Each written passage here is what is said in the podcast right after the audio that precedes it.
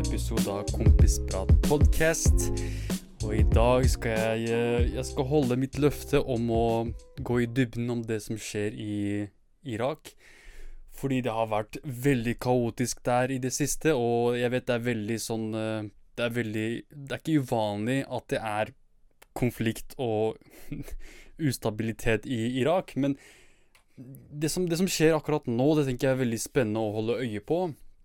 Fordi dette er en, dette er en prosess som vi ikke så eh, i, eh, i, 2008? 2011? Sorry, 2011-2012, eh, rundt den perioden da den arabiske våren startet. Så det var veldig mange sånne arabiske land som f.eks. Egypt, Tunisia, eh, Syria.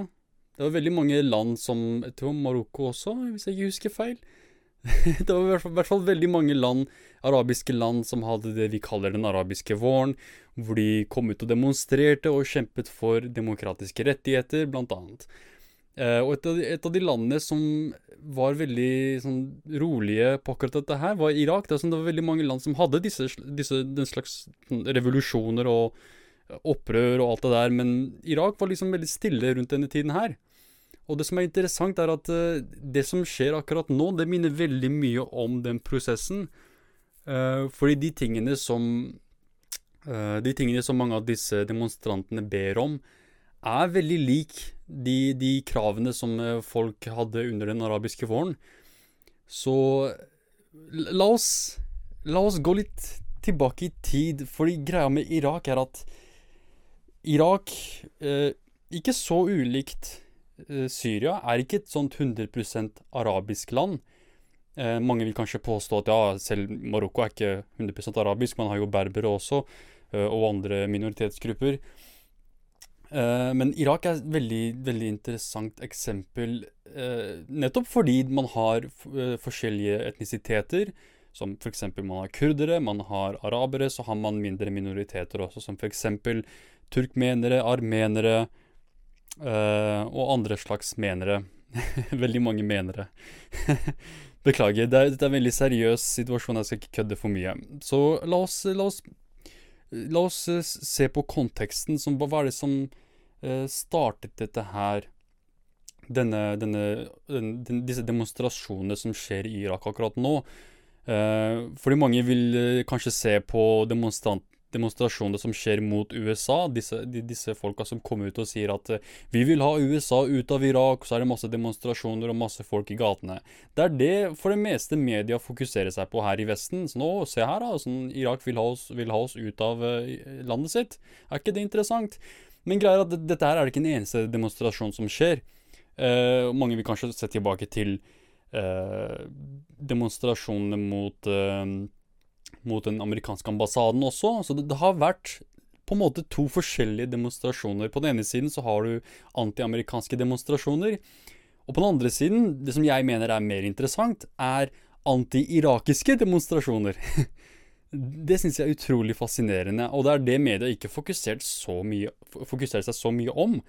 Eh, jeg snakket litt om dette her i podkasten med, med han eh, Fredrik, men jeg gikk ikke innom sånn den historiske konteksten, eller den politiske konteksten, også den kulturelle konteksten, som, som, jeg mener er nødvendig å forstå for å kunne igjen forstå demonstrasjoner som skjer i dag. Så eh, jeg vil ikke gå tilbake altfor langt. Fordi hvis du, hvis du, først skal begynne å se på historisk kontekst, så er det nesten uendelig hvor langt tilbake i tid du kan gå, eh, for å dermed prøve å få en bedre forståelse av situasjonen i dag. Men jeg, jeg vil bare gå kjapt tilbake i tid til opprettelsen av Irak. Som, hvordan oppsto Irak i det hele tatt? Mange tenker å, det, det, det, er en stat, så det må ha De må da ha eh, blitt oppfunnet slik som alle andre stater. Sånn, dette er, en, dette er en, en, et, et, folk som kommer sammen, oppretter grenser og sier 'her bor vi, og her er språket vårt, og her er våre verdier, våre tradisjoner og vår kultur', og vi heter Irak. det, det, høres veldig sånn uh, fantasifullt ut, og det er derfor jeg ler, for det er ikke, det er ikke slik Irak ble skapt. Det er ikke slik Irak oppsto. Det er heller ikke slik Syria oppsto. Det er heller ikke slik mange av disse landene hvor det er disse konfliktene, som f.eks. alle de, de, som gikk gjennom den arabiske våren. Eh, mange av disse landene har ikke sine, sine ja, hva kaller man kaller det, eh, nasjonalstatsrøtter i den type fantasi hvor man snakker om at dette dette er en slags enighet og, og en uh, slags forening av et folk som kommer sammen og dermed danner en stat. Det er ikke slik uh, prosessen var for Irak, og heller ikke mange av de statene i Midtøsten og Afrika. Uh, jeg og Fredrik snakket selvfølgelig om dette her med å, å tegne kart med bokstavelig talt med blekk og linjal. Sånn ok, her, her er, vi, er vi grensene mellom disse to landene, og her er vi grensen der. og det man ikke tenker på, er at de grensene man setter, de er ikke Det er ikke naturlige grenser. Det er ikke slik at bare fordi du lager en grense mellom, mellom to forskjellige stater, så er det ikke slik at uh, på den ene siden så har du én folkegruppe, på den andre siden så har du en helt annen forskjellig folkegruppe som tilhører en annen stat. Det er ikke slik uh, det, Dette er ikke noe som kolonimaktene tok hensyn til. De ga langt faen i hva, hva slags folk som bor hvor. Uh, og i visse tilfeller så gjorde de det med vilje for å bevisst splitte visse folkegrupper, fordi det er lettere å kontrollere et folk, spesielt hvis, hvis det er et folk på flere millioner. Hvis du splitter dem i flere deler og dermed, uh, dermed gjør det lettere da, å, å, kontrollere dem ved å gå etter uh, Istedenfor å gå etter én samlet makt, så er det lettere å gå etter flere uh, små forskjellige, forskjellige, forskjellige stater. og Irak hadde en slik, uh, slik historie, da. Sånn staten Irak hadde en slik historie hvor det var slik at uh, det ottomanske riket, som på den tiden hadde makten over disse områdene, hadde falt. De tapte krigen i første verdenskrig, og et av de, et av de uh, hva, man, hva, kan, hva, kan man kalle det? Et av de effektene, kan man si, effektene av deres fall og deres tap, var at landområdene til det ottomanske riket eller Osmanske riket, det er veldig mange forskjellige navn på det. Men i hvert fall eh, deres land, land, landområder og deres grenser ble på en måte delt opp av kolonimaktene, som sa ok, jeg vil ha den, den delen der, og jeg vil ha den delen der. Og greia med denne delen av Midtøsten, hvor vi har Irak, er at det er et veldig Det er et område med veldig mye olje. Og når Irak ble, ble, ble dannet som en stat, så tok man hensyn til nettopp dette her med olje. Det var jo på denne tiden her hvor man først begynte å bruke eh, fossilt brennstoff som, eh, som drivstoff da, for, for, energi. Og en av de som var veldig, veldig positive for den slags utvikling, var eh, Winston Churchill. Dette er noe, jeg vet ikke hvor mange folk som vet, vet dette her, og jeg vet, ikke, jeg vet, ikke, til hvilken grad det er sant. Men eh, basert på mine kilder, etter mine kilder, så var Winston Churchill en av de som fremmet denne denne strategien da, om, å, om å bruke fossilt brennstoff som, eh, som drivstoff eh, og som kilde for energi. Og Irak de hadde veldig mye, eller de har fortsatt veldig mye veldig mye ressurser, da, naturressurser, som f.eks. fossilt brennstoff som olje, og som, ting som gass. De har veldig mye av det også. Eh, og de tegnet opp Irak på en måte, da, på den måten slik at man kan ha en kolonimakt, eller en kolonistat, da, som, som er veldig profitabel. Så hvis du ser på grensen til Irak akkurat nå, hvis du ser på det, det kartet her eh, Mange tenker å, er det fordi det er folkegruppe der, og så er det en folkegruppe der, og så Nei, det er, det er, det er bare der de holder til. Nei, er, det er ikke slik det fungerer. Hvis du ser helt på toppen, det er der kurderne er. Det er, det er liksom en, en, en, egen folkegruppe med en eget språk. Egen, det er en egen etnisitet. Det er en egen, sånn, egen forskjellig historie, egen kultur, tradisjoner. Uh, alt, så å si alt som kan skille en folkegruppe fra en annen. Sånn, man finner forskjeller mellom uh, kurdere og, og, arabere, da. Som, uh, til hvilken grad man kan finne forskjeller, så finner man forskjeller. Det er det jeg prøver å si. Uh, og sånn i midten, sånn uh, under kurderne, da, så kommer sunni-araberne. Eller sunni-irakere, da, det, det, vil, det vil kalle det i dag. Så dette er arabere som er sunnimuslimer. Um, og så helt mot sør så har du uh, shia-arabere, eller shia-irakere, da. Altså arabere med shia som religion. Og innenfor disse land, land, landområdene her, som du kan se på kartet hvis du ser på videoen, eh, er at eh, Eller eh, innenfor disse grensene, da, som er satt opp, så er det slik at shia-arabere er en Det er et flertall. Så bare fordi man har kurdere, sunni og shia, så betyr det dermed ikke at det er en slags tredelt splittelse med tanke på demografi. Det er faktisk slik at det er flere shia-arabere. Shia og det, det, er bare noe, noe som er viktig å huske for uh, samtalen senere. Vi, kommer, vi, kommer, tilbake til akkurat dette her. Så disse grensene de, de, ble, satt, de ble, ikke satt opp fordi uh, det, dette er et samlet folk. Det er, som, som, jeg nettopp sa, det er tre forskjellige jeg vil si, folkegrupper. Ikke nødvendigvis tre forskjellige etnisiteter, men tre forskjellige folkegrupper. Uh, og det tok de ikke hensyn til i det hele tatt. Det de tok hensyn til, er at her i nord her har vi masse olje. Her i, i Sunni-araberne her har vi ganske mye olje og gass her også. Og så her mot sør så har vi veldig mye olje. Og så har vi tilgang til havet, så det kan bli lettere å, å transportere denne oljen til, eh, til, eh, til, Storbritannia eller til Frankrike eh, osv. Og så mot, mot, eh, på andre siden så hadde man Syria, som i, en veldig lang periode var en fransk koloni de gjorde det helt det samme. Så nå her har vi masse gass, her har vi masse olje, og så har vi tilgang til havet, slik at de kan transportere olja tilbake til, eh, til, til vårt hjemland. da. Eh, og Det er derfor du ser liksom Irak, som det er denne delen midt, midt i liksom i, i, i Midtøsten. og så har det liksom en liten del som er kobla til havet. Eh, sånn, det, det, området kunne like godt, etter min mening, det kunne like godt vært en egen stat. Eh, fordi når vi snakker om når vi snakker om at eh, ja, de er arabere, de også, men de har en annen, annen tro enn resten av araberne. De er ikke sunni-arabere, de er shia-arabere, og det er ikke veldig mange av de eh, som spredt rundt i Midtøsten. Da. Så det hadde vært greit å ha en egen nasjonalstat for de, tenker jeg. Som hvis, hvis det hadde vært rettferdig. For man har jo det samme med, med kristne arabere. Sånn, er ikke Libanon en, en kristen arabisk stat? Så hvorfor ikke gjøre det samme med uh, Shia-araberne? Fordi kolonimakten gir faen. Fordi de, de, bryr seg ikke derfor. Så det er, det, det, er det er sånn Irak sine grenser ble satt opp. Og det er viktig å forstå. At de ble satt opp for å, å, å maksimere profitt.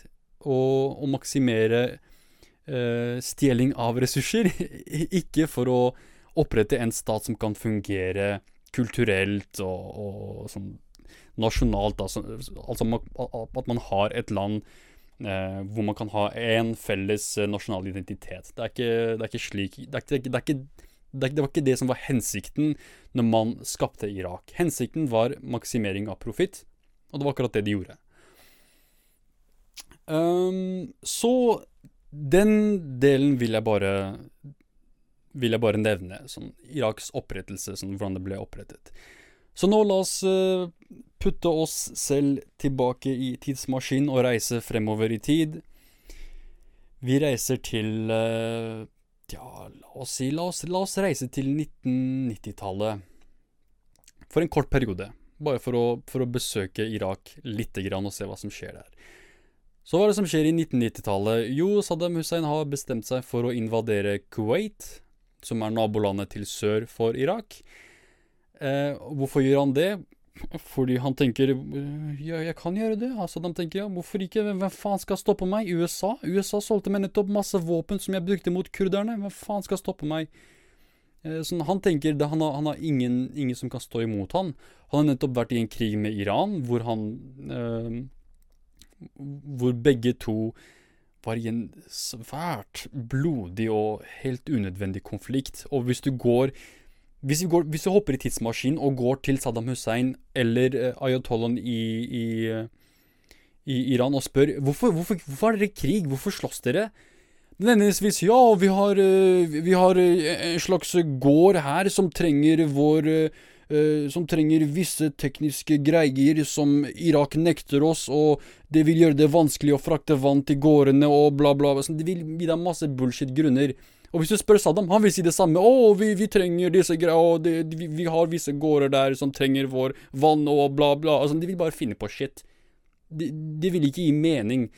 Og, etter min mening, basert på det jeg har lest om situasjonen i, mellom Irak og Iran, det, sånn, det gir ikke mening. Sånn, krigen ble liksom Det var til, til, en stor grad, etter min mening, igjen etter min mening, det var til en stor grad eh, hypa opp av USA. Sånn, USA likte ikke eh, De likte ikke Iran, så de ga masse våpen og assistanse til Saddam Hussein som uh, kjempet imot Iran, da, fordi USA likte ikke Iran på den tiden her. De hadde, de hadde hatt veldig mye konflikt med Iran som på 70-tallet og 80-tallet. De likte ikke Iran i det hele tatt. Uh, Iran hadde nylig gått gjennom en slags revolusjon selv, hvor de gikk fra å være en slags vestlig, vennlig stat til å bli svært uh, nasjonalistisk og svært religiøs.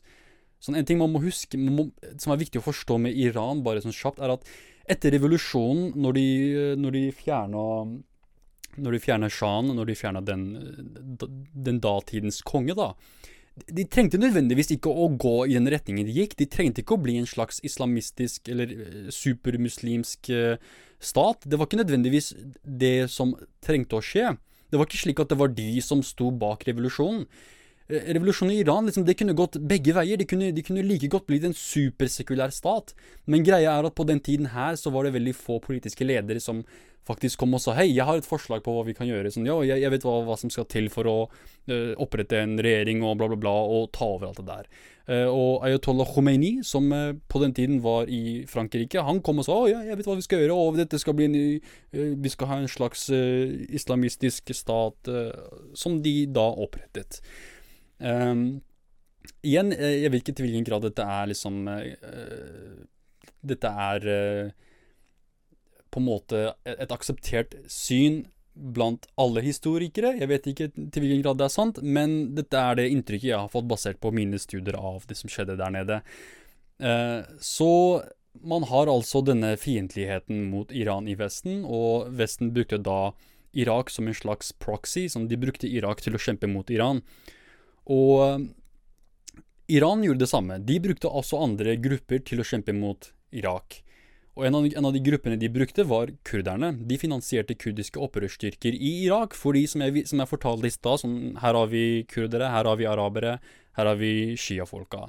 Så Iran støttet eh, de hadde, de har jo, Iran har jo grenser mot, uh, mot, direkte mot kurdiske områder i Irak.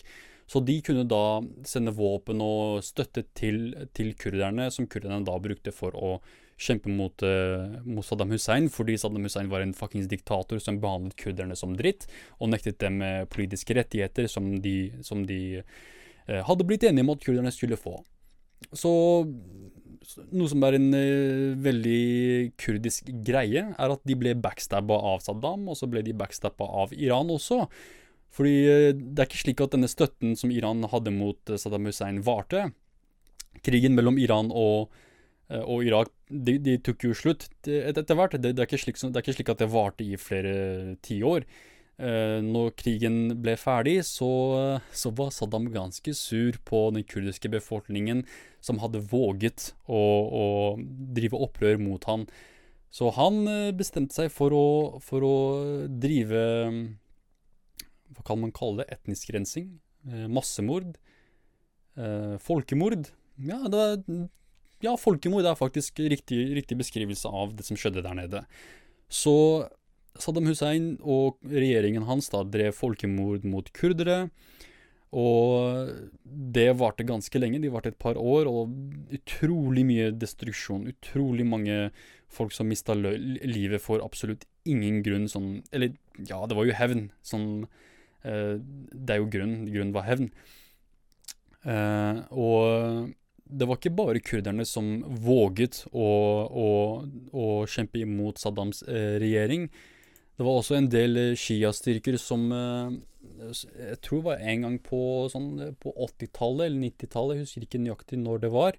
Men det var noen Shia-folk som prøvde å hen, drive attentat, altså assassination, altså drepe Saddam.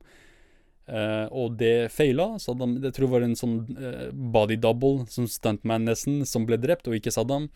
Og Saddam reagerte med å, med å, med å gå til angrep på Shia-befolkningen.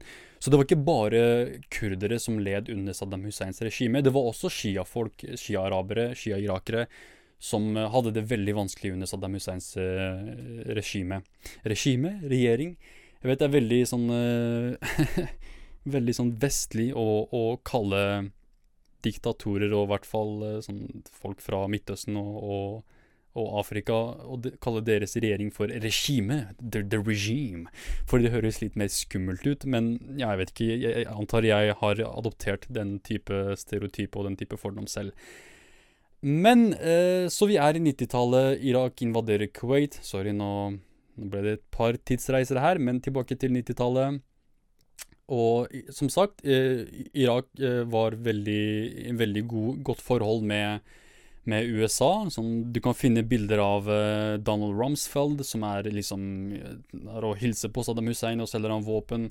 En liten morsom vits som jeg husker fra en, en av mine favorittkomikere, Eddie Griffin, er at sånn, han sa Hvordan visste vi at USA Nei, hvordan visste vi at Irak hadde masseødeleggelsesvåpen? Jo, vi så på kvitteringen. Fordi de solgte dem, disse masseødeleggelsesvåpnene. Eh, og det er sant, Irak hadde eh, biologiske masseødeleggelsesvåpen som de brukte mot kurderne på 80-tallet. Og det, det, det, var en del av den kampanjen jeg snakket om, hvor eh, Irak drev hevn mot kurdere. Det ble faktisk brukt eh, biologiske våpen mot eh, Halab Jabin, f.eks. Eh, et av de mer motbydelige episodene av uh, menneskehistorien, vil jeg si. Ikke bare kurdernes historie og Iraks historie, men også menneskenes historie. At noe sånt kunne skje mens, mens hele Vesten bare satt og så på. Uh, og det er faktisk noe som ennå Det, det, det er ennå ikke, ikke, veldig mange som var ansvarlige, som har blitt holdt ansvarlig for den, den, den ja, krigsforbrytelsen. La oss kalle det hva det er, en fuckings krigsforbrytelse. Um, spesielt når du retter det mot Spesifikt retter det mot sivilbefolkningen, og ikke nødvendigvis uh, sånn geriljastyrker eller uh, militærstyrker, da. Så når Irak, invad igjen, når Irak invaderte Kuwait, så kom, Irak, så kom USA og sa hei, det kan du ikke gjøre sånn nå, det, fordi Kuwait hadde økonomiske tilknytninger til USA. Og USA kunne ikke ha noe av det. Kuwait også, de hadde også veldig mye olje, og det er derfor egentlig Saddam Hussein gikk inn. Han ville også ha litt av den olja. Så USA steppa inn, og de, de, nektet eh, Saddam å ta over Kuwait. Så det ble krig mellom, uh, mellom allierte styrker og Irak, da. Det er første Golfkrigen, det er det man refererer til. Man refererer til denne konflikten her. Og i denne konflikten her så er det slik at uh, kurderne igjen etter oppfordring fra USA, eh, startet opprør mot, mot Saddam Hussein. Eh, så tidligere var det etter, etter, etter opp, oppmuntring Etter eh, hva det, forslag fra Iran, så gikk de mot Saddam, og denne gangen var, var det fra USA. Så denne gangen var kurderne støttet av USA. Og det ble, det ble veldig blodig. Det, det, det er faktisk eh, Det var jo en krig. Så for å da beskytte kurderne fra Saddams hevn, som vi så i, på 80-tallet, så opprettet eh, amerikanerne det man kaller eh, en eh, no-fly zone. Altså her kan du ikke hente dine fly da, for å bombe ned, bombe ned landsbyer og byer og områder og sivile folk. Eh, og det er veldig viktig å, å, å nevne dette her med no fly zone for akkurat det området her, er fordi det området i nord det er ikke slik som områdene i, i sør, hvor det er for det meste flatt og ørken, og det er veldig lett å komme seg til visse steder. Det er, det, er, ikke så vanskelig sånn logistisk sett, så er det ikke veldig vanskelig å komme seg til der du skal, og det er ikke veldig vanskelig å opprette baser for å dermed drive krigsføring.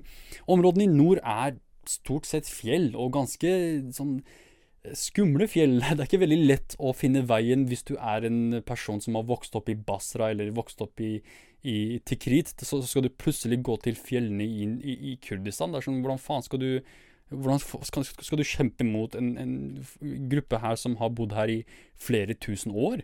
Så dette er folk som virkelig kjenner til området sitt. Så den eneste fordelen eh, Saddam hadde tidligere, da, var at han hadde helikopter og fly som han bare kunne bruke til å bombe ned disse områdene. Men uh, uten det så var det veldig vanskelig for Saddam å der, dermed slakte kurderne, da.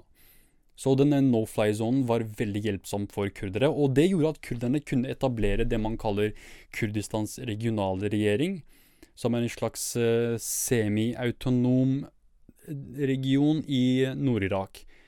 Så allerede da uh, så opprettet kurderne en slags selvautonom region i området. Uh, allerede i 1990, var det 1991? Jeg husker ikke nøyaktig når det var. Men uh, dette var noe som Saddam måtte finne seg i. Sånn, ja, ok, greit. Og, og sånn flere sånn, Kurderne fikk på en måte ressurser da, til å kunne ha en slags regjering. Til å kunne styre sine landområder. Så Beklager. Så i en viss periode så var det egentlig ganske sånn Det var ikke greit, men det var et slags våpenhvile mellom kurdere og Saddam. Det var ikke slik at eh, Saddam drev massemord og folkemord mot kurderne hver dag. Det var, det var fortsatt selvfølgelig du levde, du levde, i skyggen av en diktator, slik som, slik som eh, du gjør. Eh, og det er, ikke, det er ikke, veldig lett heller. Sånn, det, er, det, er, veldig begrensa hva du kan gjøre og si. Um, Eh, jeg vokste jo opp uh, under uh, Saddams styre. Så jeg bodde jo i Irak når han fortsatt var i regjering, og jeg kan ikke huske sånn spesifikk sånn, nå, sånn diskriminering mot meg som kurder for å være kurder, men jeg husker at sånn Jeg reiste aldri, aldri utenfor det som da var kurdiske grenser. Kurdistans regionale regjeringsgrenser. Sånn aldri, aldri steppa ett, sånn, ett steg utenfor de grensene. Um, så jeg, kan ikke, liksom, basert på mine erfaringer, si hvordan det var å være kurder under Saddams styre. Men jeg kan huske sensuren. Jeg kan huske liksom, hvor lite tilgang vi hadde på informasjon om kurdisk identitet og det å være kurder og kurdisk språk. Sånn veldig mye av kurdisk identitet på den tiden, og til en stor grad i dag, er knytta til krigersk kultur. Sånn, eh, vi er et krigersk folk fordi vi hadde så lenge liksom levd under konstant um, fiendtlighet av, av, våre naboer. Så vi glemte på en måte Vi glemte vår kultur, vi glemte hvor, sånn, hvor rikt språket vårt var, hvor rikt historien vår var, og kulturen vår. Det er mye som ble glemt.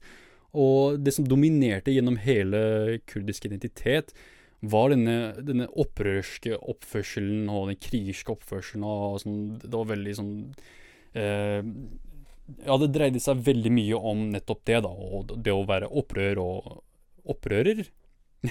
jeg vet ikke. Men det var, det var veldig mye knytta til krig, da. Og det å overleve og det å være alene. Sånn, oss mot verden. Det er slik det føltes. Det husker jeg. Det husker jeg veldig godt.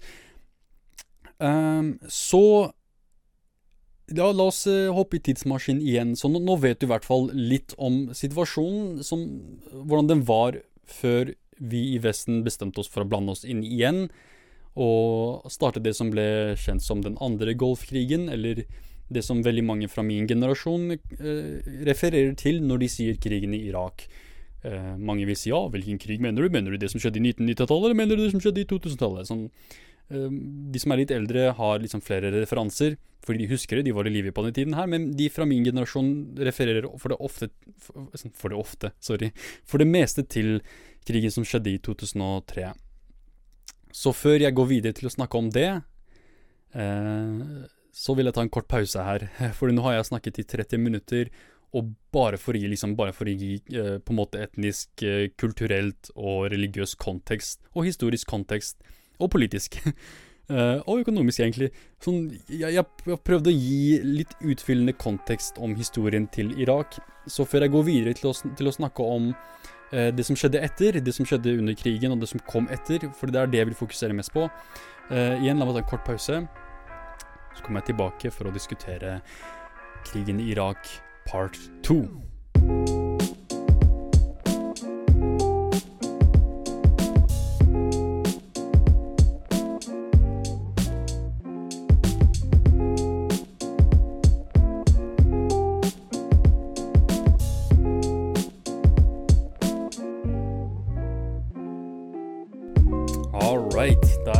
Tilbake fra pausen.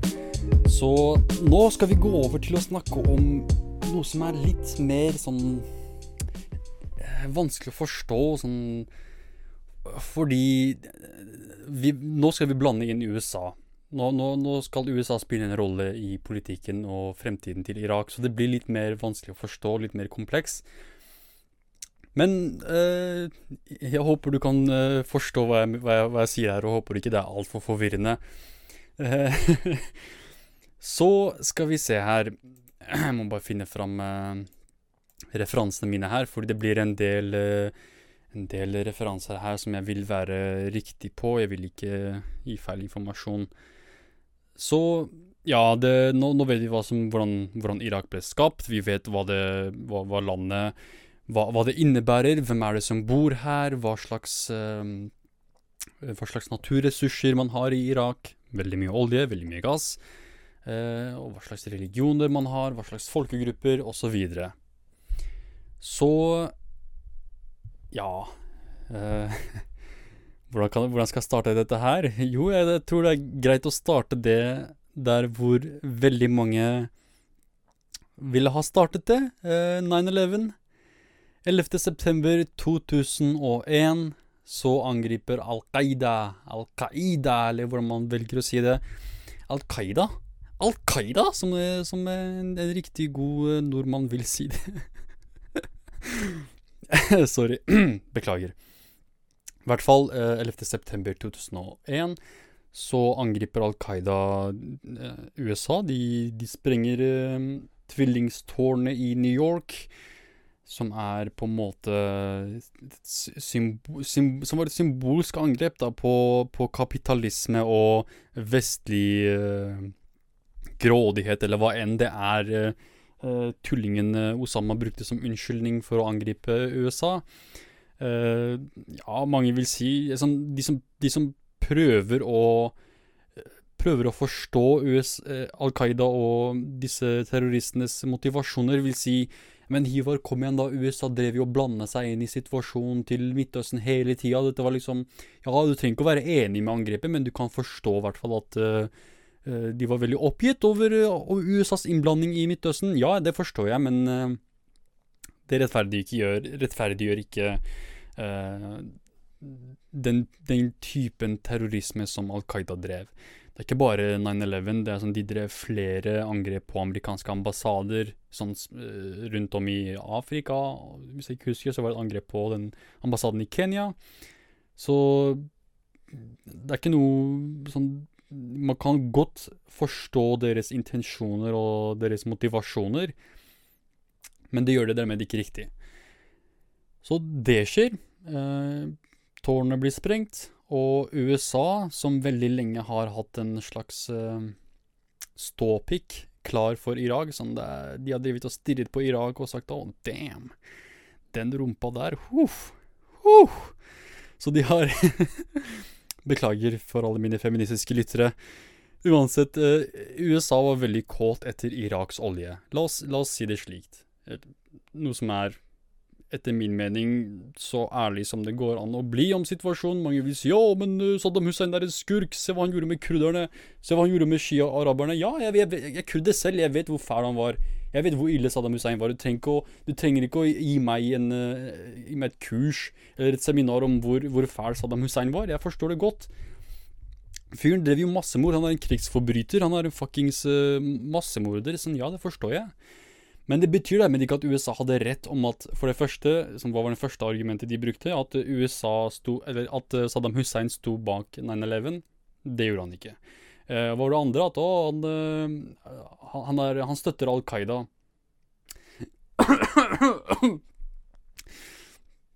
ah, virkelig, han støtter Al Qaida. Så grunnen til at jeg reagerte på den måten her eh, For det første hadde vann i halsen. For det andre Saddam Hussein er en sekulær araber. Han er ikke, han er ikke religiøs fanatiker som Al Qaida. Sånn, Al Qaida er drevet av Osama bin Laden og alle disse religiøse fanatikerne. Saddam Hussein han hata slike folk. Han var en sekulær dude. Han pleide å bruke sånne religiøse ritualer og sånt for å uh, drive propaganda, for å, sånn, for å nå til sine, sine, sin, sin befolkning. Da, sånn late som at han er en religiøs mann. Men eh, sånn ideologisk sett og politisk så var ikke han en religiøs person. Han fremmet ikke noen religiøse egenskaper ved Uh, eller, eller han, han, han, opprettet ikke noen sånn religiøse egenskaper i Irak. Det var ikke slik, at han drev og sa å, vi, vi må ha koranlære sånn, for alle, alle, barneskoler i Irak. Alle må lære, lære, seg Koran og lese Koran. Det var ikke, det var ikke en av sånn bekymringene hans at, uh, at, folk ikke var religiøse nok. Etter hans mening så burde folk ikke ha vært religiøse i det hele tatt. Som sagt, han var sekulær. Um, og ikke bare han, men veldig mange av de som var i Saddam Husseins uh, I hans parti, Baath-partiet Baath? Baath? Jeg vet ikke hvordan man, man, man, kan si dette her, men det er det partiet han som, Hans parti, da. Hans politiske parti, Baath-partiet. De var sekulære, de var ikke religiøse. Så det er idiotisk å påstå at uh, de uh, Ja, for det første at de angrep uh, tvillingstårnet. For det andre at de støtter Al Qaida. Og tenk om de selger våpnene, eller de gir våpnene sine til Al Qaida, og Al Qaida dermed bruker det for å angripe USA. Det var en veldig stor bekymring folk hadde, at gjennom Saddam så skulle Al Qaida eksportere masseødeleggelsesvåpen, kjemiske våpen, til USA og angripe USA på den måten. Eh, den tredje årsaken, eh, eller den tredje grunnen til at USA fremmet uh, invasjon mot Irak, er at de har masse ødeleggelsesvåpen. Ikke bare, ikke bare sånn kjemiske våpen, men også atomvåpen. Sånn at å, de har atomvåpen, og de kommer til å bruke det mot oss. Uh, og de, de, påpekte en haug av sånne, og, sånne, sånne der, sånn, bevis, som de kalte det. Sånn, å, han, han gikk til Afrika og kjøpte yellow cake, som de kaller det, som er en sånn metafor for uh, uranium. uranium. Jeg husker ikke nøyaktig hvilken uh, kjemisk stoff det var, eller hvilken stoff det var. eller at å, han har kjøpt visse rør, sånn Eh, sånn aluminiumsrør som eh, blir brukt til å berike eh, et eller annet sånn vitenskapelig tull som jeg ikke forstår. Beklager. Men de, de, kom altså med masse tullete liksombevis for å rettferdiggjøre Irak som en slags atomtrussel, da. Og det var veldig mange som, som kjøpte den årsaken. da, Sånn ja, ja, kanskje det. Sånn, ja. så ja, de, de fikk i hvert fall nok støtte hjemmefra da, til å fremme krigen mot Irak, til å faktisk drive krigen mot Irak. da. Så i 2003 så invaderer USA Irak. De begynner å bombe Bagdad. Uh, det husker jeg faktisk. Jeg husker jeg satt og så på TV. Vi så på det live når uh, bombene begynte å sprenge over Bagdad. Det var ganske Ganske rart å se. Sånn Jeg husker det var veldig sånn ja, bitter Ikke bitter, men sånn dyster, kan jeg si. Det var veldig sånn trist, egentlig, å se liksom Oi, shit. Det er, det er folk som dauer. Sånn, holy shit. Sånn, og, og, folk på TV var sånn, drev og runka til det. Sånn 'Å, så, ser ikke det så fint ut?' Sånn 'Å, dette er uh, Friheten er på vei, og fri, vi skal frigjøre folk i Irak, og endelig skal det bli bra igjen. Så er det masse folk som dauer. Sånn, what the fuck? Er det, er det virkelig verdt det? Sånn så mange folk som dauer. Uh, og ja, det, krigen varte ganske lenge. Sånn, eh, etter hvert så gir uh, Irak seg, sånn, de, de gir opp. Uh, alle går hver sin vei. Saddam Hussein han er på flukt og gjemmer seg. Og til slutt så finner de han i et høl i bakken, drar han opp. Han har masse skjegg, ser ut som en nisse. Ser helt fucked up ut. De uh, fjerner skjegget hans. Å, oh, jøss, det er jo han, jo. Sånn de, de, kjente han igjen etter at de fiksa han alt det der. Uh, det er faktisk Hvis du går inn på FBIs eh, dokumentsider, sånn private, sånn, ikke private, sånn hemmelige dokumenter, så kan du faktisk finne intervjuene FBI hadde med Saddam Hussein. Så hvis du vil lære deg om sånn, Prøve å forstå hvem Saddam Hussein var som en person, så kan du få veldig mye ut av de, de FBI-intervjuene. Uh, og ikke bare, ikke bare, lærer du om Saddam Hussein, men du lærer om, um, om, om Irak rundt den tiden, da, som hva var det som egentlig foregikk der?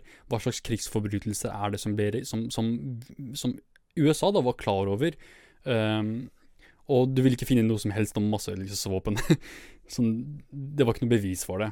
Og når USA fant ut at det ikke var noen masseødeleggelsesvåpen, så sa de nei, nei, det, var kanskje ikke noen atomvåpen der, men uh, han Saddam, han er en skurk. Han er, han er, han er ond. Han er, han er, farlig. Sånn Ja, det, det er han, men uh, det, er, det, er, mange skurker der ute. Det er mange onde folk der ute. Sånn, hva, skal, du, skal, du, gå og invadere Libya fordi Gaddafi er en skurk også? Skal du invadere Egypt fordi Hosni Mubarak er en skurk også? Skal du, skal du invadere alle land hvor det er liksom en, en skurk i regjering? Sånn Nei, det skal du ikke. Du angriper, eller du, du valgte Irak fordi de har masse naturressurser. De har masse olje. Jeg tror de er på fjerdeplass, sånn verdensrangering. De er i hvert fall på topp ti. Sånn, de, har, de har jævlig mye olje. Langt eh, mer enn USA har. Uh, så jeg vil si liksom, det er den, den, største motivasjonen for USA. Sånn, en, en, av de største motivasjonene for å invadere Irak var olja. Sånn, er mer så enn ønsket om å befri det irakiske folket. Irakiske folket, mener du arabere? Mener du kurdere? Hvem er det du egentlig mener? Sånn, eh, er, er det pga. kurderne? Er du bekymret over kurderne? Så hvorfor faen solgte du masse, sånn, masse kjemiske våpen til uh, Saddam som han da brukte mot kurderne, og du sa ingenting når han gjorde det? Jeg tror det var én kongressmann som kom ut og holdt tale i Kongressen uh, og, og, fordømte angrepene. Sånn, that's it. Det var det som skjedde. Det var det eneste. Men det var ikke noe sånn offisiell lov. Vi fordømmer denne, dette angrepet mot kurderne. Uh, det var ganske brutalt, egentlig. Sånn hvor, eh, hvor, gangster USA oppførte seg mot, uh, mot, hele verdenssamfunnet. Sånn, ja, vi skal bare steppe inn og ta over. Sånn, hva faen skal du gjøre? Sånn, det er basically det de sa. Sånn, hva faen skal du gjøre? Skal du liksom uh, skal, skal, resten av Europa ha sanksjoner mot USA? Please, kom igjen, da. Sånn, ingen, ingen, sa en dritt. Alle bare satt og så på mens det her skjedde.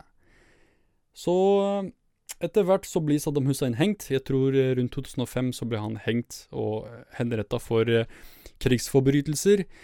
Og hvis du husker tilbake før pausen, så nevnte jeg at noen shia-irakere prøvde, prøvde, prøvde, seg på et attentat på Saddam Hussein.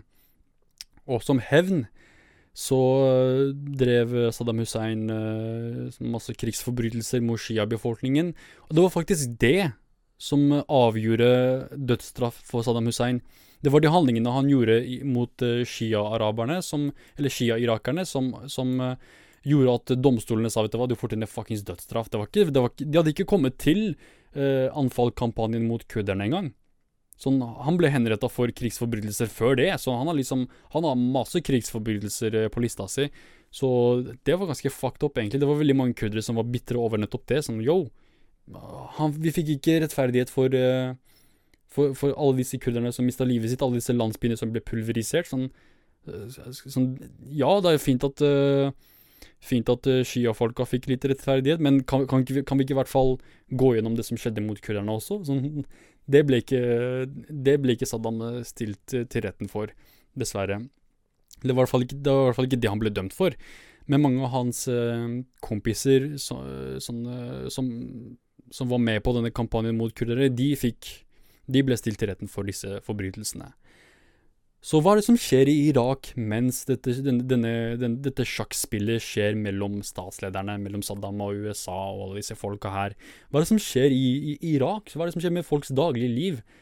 Sånn, ja, ok, er, staten din er blitt øh, øh fjerna, det er ikke lenger noen øh, president eller leder, da. Sånn, hva, hva, er det som skjer med folks daglige liv? Hva er det som skjer med folk som har uh, jobb i regjeringen. Da. Sånn, la oss si du er uh, en eller annen konsultent eller en PR-rådgiver for et eller annet departement. Hva er det som skjer med deg? Så Ja, ok, så la, la oss gå gjennom det, da. For det er det, det, det, det som er interessant med, med, det som skjedde i Irak, og det er det som til en stor grad vil jeg si da er årsaken for at de protestene som skjer i Irak akkurat nå, skjer. Det er liksom det som er en av hovedårsakene, vil jeg si. Så ja, det prosessen som man startet, eller som USA startet til en, ja, til en stor grad vil jeg si har årsaken, eller er årsaken, da. Og dette er en prosess som de kalte debathification-prosessen. Altså debathifisering, som du hele, hele staten Irak er styrt av Bath-partiet Bath-partiet, jeg vet ikke, la oss bare holde oss til det. Bath-partiet, ikke sant. Det er de som liksom på en måte har Det er de som eh, på en måte har all makt i Irak, da. Det er de som er eh, statsledere, det er de som er eh, har masse stillinger i de visse departementer, det er de som har høybelønnede stillinger der, og disse bankene der, og den, den, det selskapet der. Sånn alt er styrt av partiet. Sånn absolutt alle aspekter ved, ved, ved livet i Irak er, er gjennom partiet.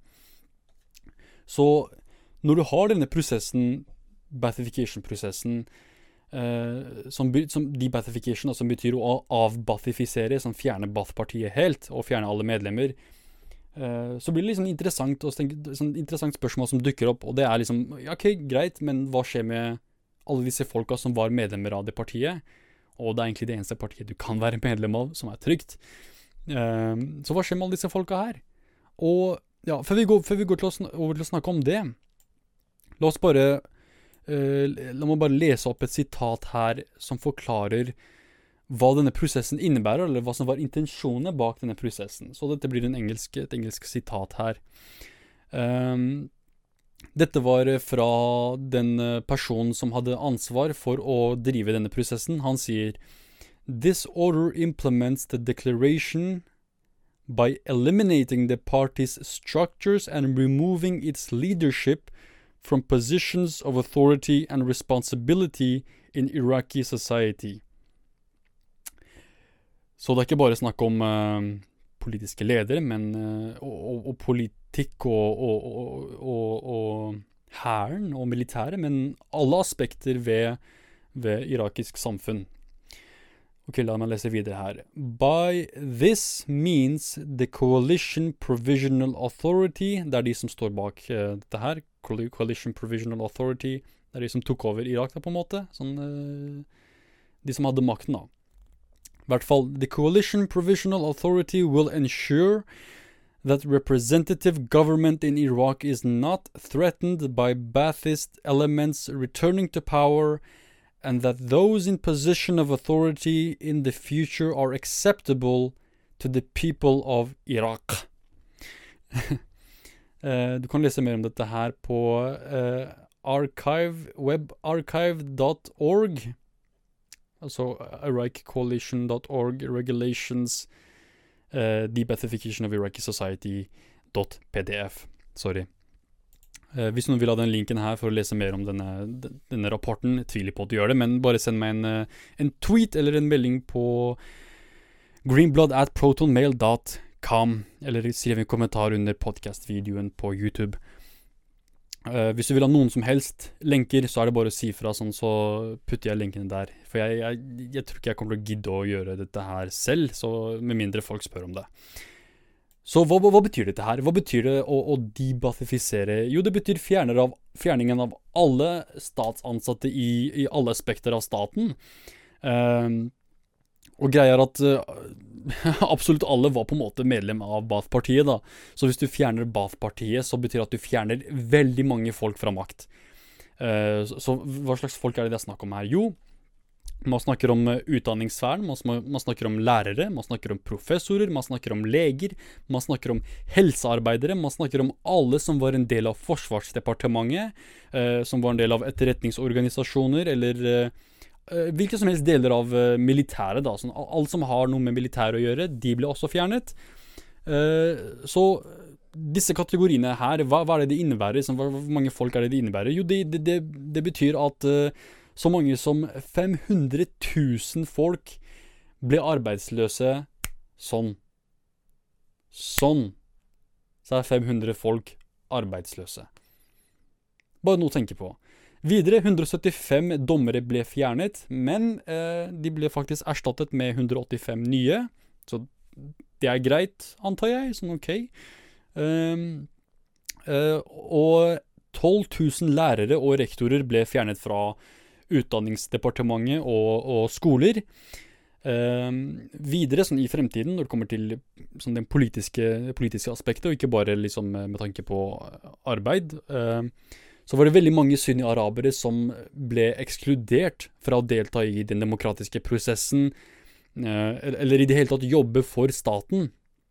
Fordi en ting som er, som er, viktig å huske, som jeg kanskje ikke nevnte, er at uh, Baath-partiet for det meste sunni-irakere. Jeg nevnte at uh, Shia, både Shia og kurderne ble undertrykt under, under Saddams styre. det betyr dermed at det var sunnifolka som var i makten. Det var for det meste sunnimuslimene. Saddam Hussein var jo sunnimuslim, han også. Igjen, han var sekulær, men han var sunnimuslim, og det var sunni-arabere som en identitet, da, sunni-irakere som, som, en identitet og folkegruppe som hadde makten i, i, uh, i, Irak, da, som, som, hadde veldig mye innflytelse i, i landet. Um, så hva betyr det at sunni-irakere i fremtiden, da, sånn i, demokratiske valg, er liksom ekskludert fra, fra å få demokratisk representasjon, og, og, er ekskludert fra å delta i demokratiske prosessen, og er ekskludert fra å jobbe i staten. Jo, det betyr at veldig mange sunni-arabere mangler representasjon. Sånn det, det, er ingen som snakker for dem, det er ingen som står opp for dem, det er ingen som beskytter deres rettigheter. Så dette er en gruppe som plutselig, som pga. en konflikt, er, er, nå dermed helt maktløs. Sånn, balansen har plutselig vippet helt motsatt side. Så det, det er en ting, en ting, å huske sånn, for, for uh, diskusjonen videre. Er at uh, sunnimuslimene mistet makten helt. Det er en gruppe folk som plutselig var liksom den, på den laveste rangen da, i, i, i den sosiale strukturen i Irak på den tiden her. Så shia-irakere, som er flertallet i Irak, fikk dermed liksom eh, makt i staten fordi de var flertallet, og man snakker om demokrati hvor flertallet bestemmer, så Irak får mest representasjon, eller sunni Eller, sorry, beklager. Shia-irakere får mest representasjon i staten. Eh, og kurderne også, de som eh, led mest under, eh, under Baath-regimet, eller regjeringen, eh, fikk nå mer politisk eh, Hva kan man kalle det? Fleksibilitet med politisk makt over eh, de kurdiske regionene. Eh, så den kurdiske Kurdistans regionale regjering, da, som er området jeg ble født i, eh, de fikk nå mer makt enn de hadde tidligere til å bestemme over denne regionen. Og jeg var allerede i Norge når dette her skjedde, så jeg vet ikke hvordan det er å leve under et, eh, et mer fritt eh, semiautonom eh, Kurdistan. Så jeg kan ikke kommentere akkurat der. Men tydeligvis så er dette her Ja, det var veldig dårlig for sunni-araberne. Det var veldig fuckings bra for shia-araberne. Og det var utrolig bra for kurderne, som nå kunne styre seg selv uten innflytelse fra, fra Irak til en grad eh, fra, fra Bagdad til den graden det var før, da. Så det betyr mer økonomisk frihet også. De har mer kontroll over olja som de pumper ut fra disse grensene her. Eh, fra, fra de kurdiske områdene. Uh, men det er ikke bare sånn innenfor kurdiske regioner kurderne fikk mer makt. De fikk også mer makt nasjonalt. Sånn, de kunne nå være en del av parlamentet i, i Irak. Sånn, de kunne ha eh, nasjonal uh, innflytelse også. Og det var veldig mange kurdere som ble en del av de fremtidige parlamentet, den fremtidige regjeringen.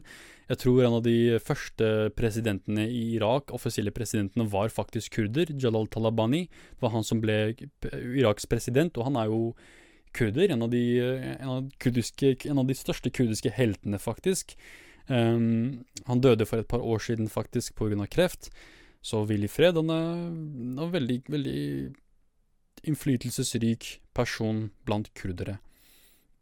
Eh, jeg snakket eh, med Fredrik jeg snakket om denne her eh, Barzani versus Talabani-konflikten man har i Nord-Irak, i, Kurdistan i Nord-Irak.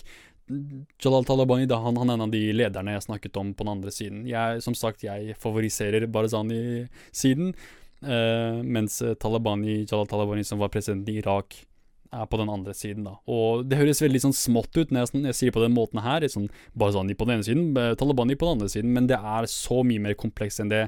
Det er snakk om fem-seks millioner kurdere, så det er ikke snakk om to klaner som er i konflikt her. Det er snakk om veldig mange folk. Det er snakk om veldig mange kurdere også. Uh, faktisk så var det en borgerkrig mellom kurdere, mellom disse to faksjonene. Så det er en veldig seriøs sånn eh, Et veldig seriøst skille mellom kurdere i Nord-Irak. Um, og man ser effekter av denne, dette skillet selv i dag.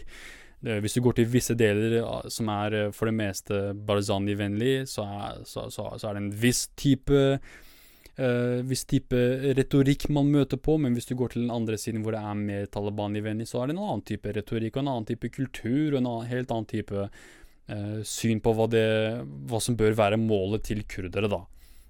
Grunnen til at jeg er så mye mer uh, vennlig Eller har et så mye mer favoriserende syn på Barazani-siden, eller uh, Kurdistans demokratiske parti versus Kurdistans uh, foreningsparti. Jeg husker ikke hva det norske navnet var. men i hvert fall den ene siden så, så, så fremmer de tanken om en slags irakisk identitet, en slags nasjonal identitet. eh, som jeg liksom er veldig personlig som jeg, jeg, er veldig skeptisk til. Jeg er heller glad i tanken om en slags kurdisk identitet. En slags kurdisk selvstyre, kurdisk nasjonalitet og kurdisk identitet som, som jeg mener er eh, personlig bedre enn å ha en slags irakisk, en irakisk identitet og fremme et, et, slikt borgersyn. da, sånn, å, Vi er alle irakere, vi må holde sammen. Jeg vil heller ha litt sånn ja, vi er kurdere, vi holder oss for oss selv, så kan uh, araberne ha deres områder. Så derfor er jeg liksom litt mer, mer uh, på Barzani-siden, da. Så med andre ord, kurderne fikk mye mer makt. Eh, nok makt til å faktisk begynne å krangle mellom seg selv.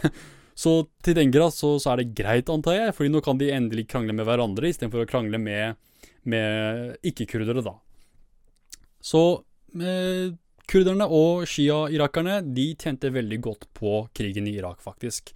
Eh, og det er derfor du vil se sånn, veldig mange kurdere som har et veldig positivt syn eh, overfor ikke bare USA, men Bush. Så det er veldig spesielt. Sånn eh, Du vil finne sånn utrolig mange amerikanere som absolutt hater Bush, men samtidig, hvis du går til Kurdistan, sånn alle elsker Bush. Sånn, ah, Bush, mwah, Bush. Jeg elsker Bush. Oppkaller barna sine etter Bush. Det fins faktisk kurdere der ute som har oppkalt barna sine etter Trump. Jeg tror ikke noen amerikanere engang har gjort det. Jeg tror ikke noen amerikanere har oppkalt barna sine etter Trump, men kurdere har det. Så, så mye elsker kurdere eh, Amerikas innblanding i Midtøsten, fordi det har vært til så stor fordel for kurdere. Eh, så det, til den grad så, så, har faktisk krigen i Irak noen, noen positive sider. Så vi må ikke se på dette her som svart-hvit greie. Det er det er visse folk som faktisk fikk, en, uh, fikk bedre livskvalitet som et resultat av, av uh, invasjonen. Så tilbake til debathification-prosessen. Så hva betyr det at du fjerner disse folka som har vært i makt så lenge? Folk som har vokst opp under dette systemet, som har på en måte blitt, blitt utdannet, og, og, og som ja, ja, utdannet er et godt ord. Jeg vet ikke hvorfor jeg leter etter, leter etter et annet ord her. Ja, for å si, si, det sånn, da. Utdannet til å leve under et slikt system. Uh, jo, det betyr at uh, folk som nettopp har hatt utdanning innenfor visse felt, uh, blir nå fjernet fra sine posisjoner. Så folk som vet veldig mye om eh, hvordan man skal, man, skal, eh, man skal, eh, arbeide innenfor Forsvarsdepartementet eller Utdanningsdepartementet eller Helsedepartementet. Sånn, alle disse, disse, grenene av regjeringen, da, eller disse posisjonene og stillingene innenfor regjeringen. Det, det var fullt av folk som hadde ekspertise innenfor disse feltene. Men når du har fjernet alle disse folka her, og du, du, nekter dem fra å noen gang jobbe i staten igjen, eh, så må du jo erstatte stillingene deres med, med folk eh, som, som, ikke er uh, Bath-arabere, da, eller irakere som var medlemmer av Bath-partiet. Hva betyr det? Jo, det betyr at du nå putter inn masse inkompetente folk i disse stillingene. Så du har fjernet alle folk som har ekspertise, og erstattet det med inkompetente folk. Og det er jævlig dumt. Sånn greit, vi kan godt fjerne visse folk som har uh, stor innflytelse over staten, sånn visse ledere, greit. Sånn personlig tenker jeg det er greit. Sånn, vi kan fjerne Saddam, vi kan fjerne eh, den massemorderen der, den massemorderen der og den massemorderen der. Men 500 000 folk? Det virker litt overdrevent. Sånn hvordan, hvordan skal staten fungere når det er såpass mange folk som nå er erstattet med inkompetente folk? Så det, det fungerer ikke. Det, det, det, poenget mitt her. Det fungerer ikke. Og det er en av grunnene til at Irak veldig lenge ble sett på som en slags mislykket stat. Det er ikke fordi Irak, sånn, irakiske folk er dumme i seg selv, men det er fordi de ble sånn, Folk som visste hva de gjorde, ble erstattet med folk som ikke visste hva de gjorde. Så hva er det som skjer når du gjør dette her? Jo, du får lavere kvalitet på offentlige tjenester. Og Irak, som er, liksom, har så mye olje og så mye naturressurser, er jo et veldig rikt land. Så mange, mange, veldig mange var, eh, var, eh, avhengig av staten som en slags arbeidsgiver. da. Så når du har veldig dårlig eh, eh, ja, lavere kvalitet av tjenester, så kan det føre til en svakere økonomi og lavere produktivitet. Og det er akkurat det vi så. Vi så en svakere økonomi og lavere produktivitet. Så ting, ting ble bare verre og verre for irakerne da. Og spesielt for, eh, for sunnibefolkningen. Det er viktig å huske. Det var spesielt sunnibefolkningen som slet under denne, denne prosessen. Um, og bare for å være litt ærlig her, uh, jeg kan garantere at det er veldig mange kurdere som hører på nå, som sier 'fuck them', hvem faen bryr seg? Uh, og jeg kan forstå den type, den type syn, da. Jeg kan forstå at veldig mange er uh, veldig fiendtlige mot sunnibefolkningen fordi sunnibefolkningen har undertrykt dem såpass lenge.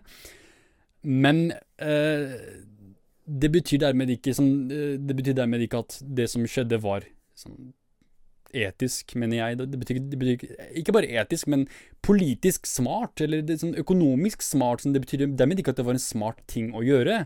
Det var kanskje noe som var uh, som fortjent med tanke på karma. Sånn, da. dere, dere, har slakta såpass mange uskyldige folk, og dere har drevet uh, såpass skittent skitten politikk mot mot shia og kurdiske befolkningen, men det rettferdiggjør dermed ikke det som, det som skjedde med sunnibefolkningen. Mener jeg, da. Eh, og mange vil kanskje kritisere meg for det, eller mange kurdere vil kritisere meg for det, men eh, sånn er det bare. Sånn, det, det, er det jeg mener. Jeg mener at de ikke fortjente det, den type straff. Så jeg ser ikke poenget med, med, å fjerne 500 000 folk fra sine stillinger, fra viktige stillinger som var med på å, å få staten til å fungere. Så ja, når 500 000 folk mister eh, jobben, hva er det som skjer da? Jo, arbeidsledigheten øker også. Så eh, skal vi se her, eh, noen tall fra den perioden sa at eh, arbeidsledigheten i Irak var Ja, det, det, kan ha vært alt mellom 27% til nærmere 50% Så de vet ikke helt nøyaktig om det var 27% eller 40% eller 50% Det var forskjellige, forskjellige uh, tall, da, sånn veldig mange folk som hadde forskjellig syn på dette her. Men én ting er uh, helt sikkert, er at det er veldig mange folk som ikke lenger Eh, hadde arbeid eh, under den, dette nye Irak, da. Så Og mange av de som mista sine stillinger, mista ikke bare jobbene sine, men de mista også sine pensjoner. Som igjen førte til økende grad av fattigdom blant veldig mange sunni-irakere. Så eh, la oss si du jobba i en bank, og du har, du har jobb, jobbet så hardt og så lenge eh, og du har liksom tjent opp en slags pensjon, da, så kommer USA og fjerner deg fra stillingen din, og fjerner pensjonen din også. Så nå er du ikke bare arbeidsløs, men du har ingen form for inntekt i det hele tatt. Så det kan selvfølgelig føre til at folk blir desperate og tyr til kriminalitet.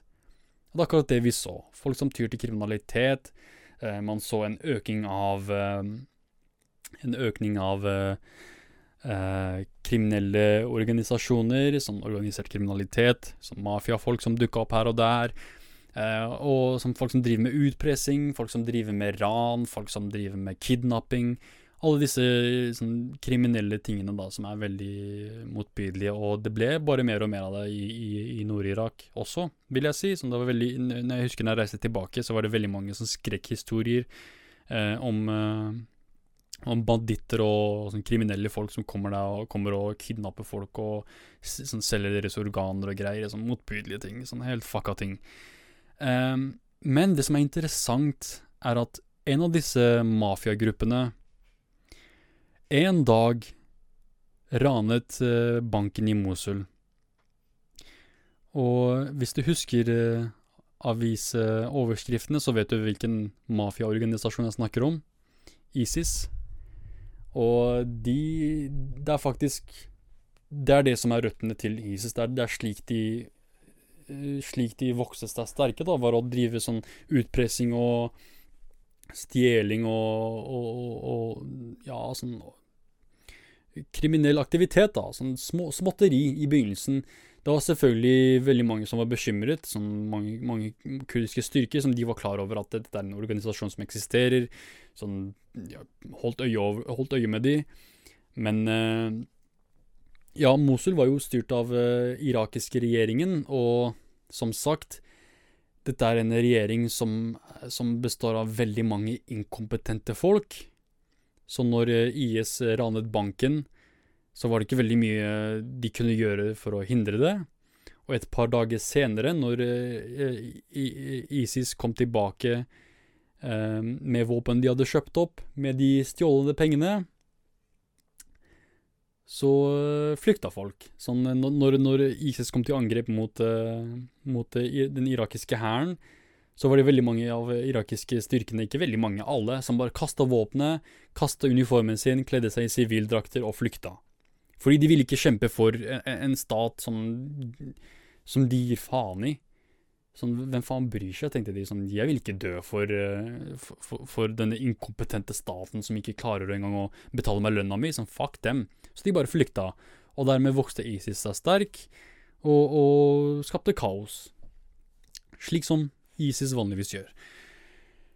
Så ja, men mange vil si ja, OK, Ivar, dette her skjedde. De, sånn, de fjerna alle disse folka fra stillingene sine, og veldig mange folk ble bitre, og noen av de joina ISIS, eller de ble medlemmer av ISIS for å på en måte hevne seg på situasjonen sin, eller på, på, på folk som hadde putta dem i den situasjonen de, ble, de var i. Uh, men dette er liksom Dette er 15 år siden. Sånn tiden går. Sånn virkelig, det er jo mange folk i gatene i dag. Sånn unge folk, da. Sånn, de var jo ikke der når Saddam Hussein var i regjering, eller kanskje de var der, men de, de, de, sånn, de var ikke noe de var ikke noen maktposisjon, sånn, de har ikke mista jobben sin. Sånn, kanskje foreldra deres, ja, men ikke de. Sånn, hva har de å klage over, tenker mange. Sånn, ja, det er veldig mange unge folk i gatene som protesterer akkurat nå, men det er ikke bare unge folk. Det er også veldig mange eldre folk, sånn folk i 50-åra, 40-åra, som, som, også demonstrerer mot, uh, mot uh, regjeringen. Uh, så hva er det disse folka demonstrerer for? Hvorfor er, det, hvorfor er det slik at folk nå er i gatene og protesterer? jo, det er nettopp det. Nettopp det at staten ikke klarer å levere offentlige tjenester sånn, med, med sånn akseptabel kvalitet. Da alt er dritt. Det er ikke tilgang på elektrisitet, det er ikke nok jobber, det er ikke noe eh, demokratisk representasjon. Det er ikke sånn alle, alle disse folka som, som erstatta disse teknokratene som var i regjering før, er korrupte morapulere. Korrupte som bare faen, og alle vet det. Alle vet det. Eh, og det som irriterer meg mest, fordi alle vet det, eh, er at eh, vestlige stater velger fortsatt allikevel, til tross for at alle vet at Irak er en av de mest korrupte statene uh, i verden, en av de mest korrupte, er at de fortsatt sender masse penger til disse politikerne for, liksom, for, for å be dem skjerpe seg. Sånn, 'Her har du masse milliarder, kan du oppføre deg nå?'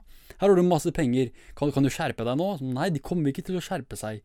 Alle de penga som vi har sendt til dem nå, gjett hvor de ender opp. Lett, sånn, rett i lomma på dem. Så, det, så det, jeg, kan, jeg, kan, godt forstå at veldig mange folk nå ser denne korrupsjonen og ser denne inkompetansen. Se hvor elendig, elendige levekår de har. Tenker sånn, vet du hva, fuck it, nok er nok. Og så bestemmer de seg for å, for å gå i gatene og protestere eh, mot eh, en elendig og idiotisk og dum regjering som ikke engang representerer dem. Og bare for å få det sagt, det er veldig mange, veldig mange av disse her er sunni-irakere. Men det er ikke bare sunni-irakere. Veldig mange av de er shia-irakere også. Det er ikke bare sunni-befolkningen som ser denne inkompetansen og, og som blir behandla som dritt.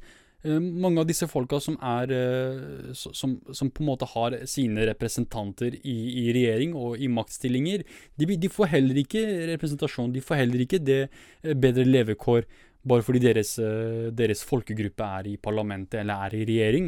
Det er fortsatt elendig, elendige resultater som blir vist her. Så mange har fått nok. De, de har fått nok av å leve i et drittland. Når det ikke trenger å være drittland, når det er et av de landene i verden med mest olje, så, som kan uh, potensielt være en av de rikeste landene i verden. Uh, de, de, har fått nok av denne den situasjonen de er i i dag, da. Så de kommer derfor ut i gatene og protesterer.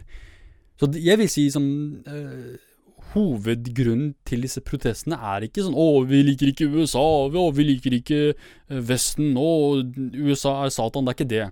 Jeg tror en av de største Basert på de, de, rapportene jeg har lest fra folk som er i gatene, folk som er protesterer, og intervjuer med dem, og rapporter fra journalister, eh, som veldig mange som har mista livet, er at uh, protestene er der pga. ineffektiv og inkompetent uh, styre. Det, det, er det jeg vil si liksom er hovedårsaken. Er, er sånn elendig, elendig regjering. Og uh, det er noe veldig mange liksom kan forstå. Sånn, du, du trenger ikke nødvendigvis uh, være enig med, med at folk skal gå og protestere sånn, å, kan ikke bare gå hjem og sette deg ned og kanskje velge, velge riktige folk i regjering? Sånn, det er så naivt å si sånn, kan ikke bare velge, kan ikke bare velge ikke-korrupte politikere? Kan ikke bare gjøre det? Sånn, som om det er noe å gjøre, som det er så lett. Uh, hvis det hadde vært så lett, så hadde ikke disse folka vært i regjering i det hele tatt. Sånn, de folka vi ser i, i maktstillinger nå, de hadde ikke vært der de er hvis det var såpass uh, demokratisk som man, uh, man, påstår, da. Så det er ikke bare bare. Det er ikke bare å velge nye folk. Um, men uh, protestene, da. Så folk kommer og protesterer mot staten, og slik som vi så i den arabiske våren, hva er det staten velger å gjøre? Sånn, Istedenfor å høre på demonstrantene sånn Å, dere, dere, vil ikke at vi skal være korrupte? Hm, Kanskje vi skal slutte å være korrupte? Sånn, er det det de tenkte? Nei. Sånn, de svarte med å skyte mange av disse, disse, protestene. De svarte med å bruke fysisk vold.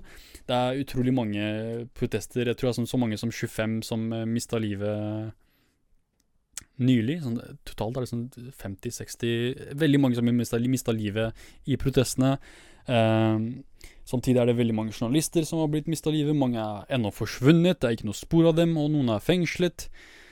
Så det er kaos. Sånn, det er, det er faen meg kaos. Um, uh, og, og det, er, det, er, et ordentlig shitshow, vil jeg si.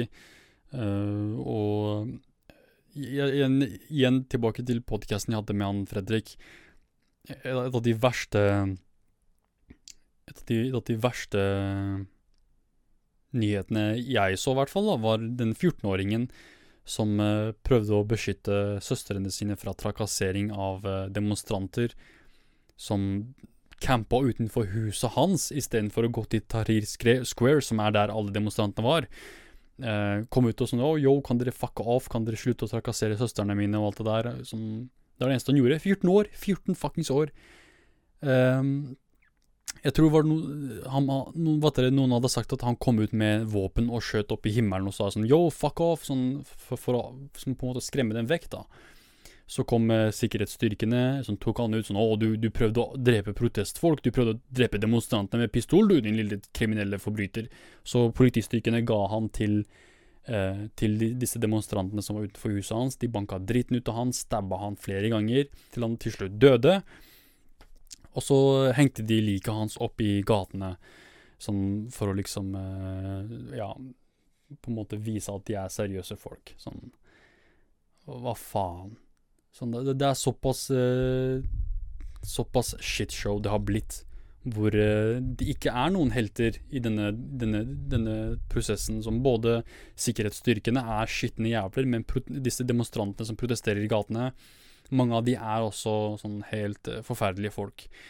Men ikke for å si at alle er det. verken sikkerhetsstyrker eller demonstrantene. Eh, absolutt ikke. Eh, det, er, det, er, jo Mange av disse er vanlige folk som bare vil ha bedre levekår, som, som vil ha rettferdighet, som vil ha eh, en jobb, som vil ha ordentlig elektrisitet, som vil ha sånn, høyere kvalitet av offentlige tjenester. Så det er ikke, det er ikke for mye å spørre om. Eh, men likevel blir de møtt med, med vold og, og, og, og, alt det der, da. Og det er ganske trist å se.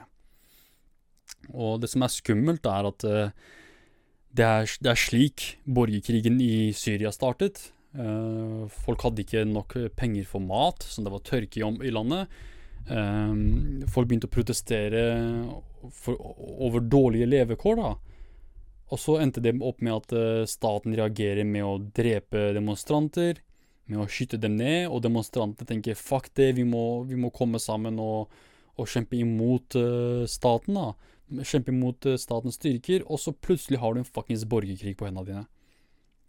Og det er det jeg frykter som kan skje med, med Irak også, er at uh, denne destabiliseringen fører til enda en borgerkrig i Irak, da.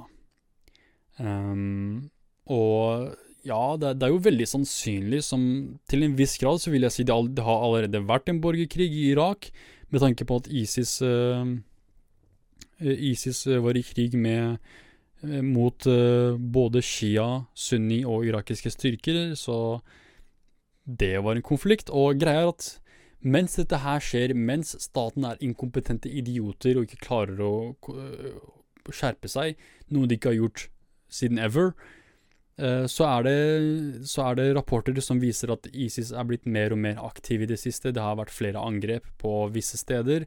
Um, veldig mange som har mista livet også, sånn gjennom terrorangrep. Så ikke, ikke bokstavelig talt sånn, uh, sånn, sånn krig eh, på, på, slagmarken som man hadde for et par år siden, men de, de, tyr til terrorangrep nå. Som betyr de er desperate, men det betyr dermed ikke at krigen er vunnet. Um, og det, det, har faktisk uh, USA planla å, å, å, starte flere operasjoner for å gå til angrep mot de uh, restene av ISIS sine styrker.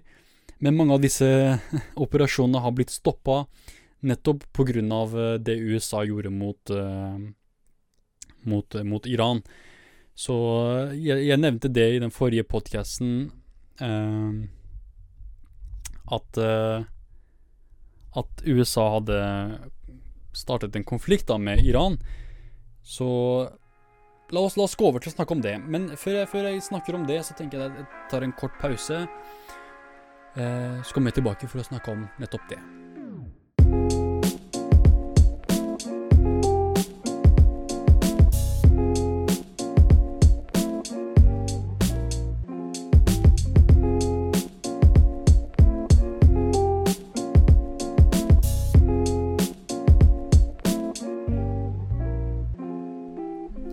Da er tilbake for å snakke om eh, konflikten mellom eh, USA og Iran. Så heldigvis så er dette en konflikt som har eh, roa seg ned litt. Det, ikke, det, ikke, det, var ikke så, så farlig som Eller det ble ikke så farlig som veldig mange hadde fryktet, så det er en god ting. Men la, la oss se på den situasjonen. Så la oss se på hva det var som skjedde. Så siden 2003, som vi snakket om, så har Shia-irakerne fått mer makt i Irak. Um, og greia er at mange av disse, disse politikerne som er sjiamuslimer, da, er veldig vennlige med Iran. Så de har veldig mange tilknytninger til Iran. Og det er fordi Iran er jo, de er jo sjiamuslimer, de også. Så nå som de har politisk makt i Irak, så, så føler Iran at å, nå kan vi påvirke politikken i Irak. Vi kan liksom få det og det og det. Vi kan gjøre det og det og det. Så det, det, har vært en slags samarbeid da, mellom, mellom disse aktørene. Og,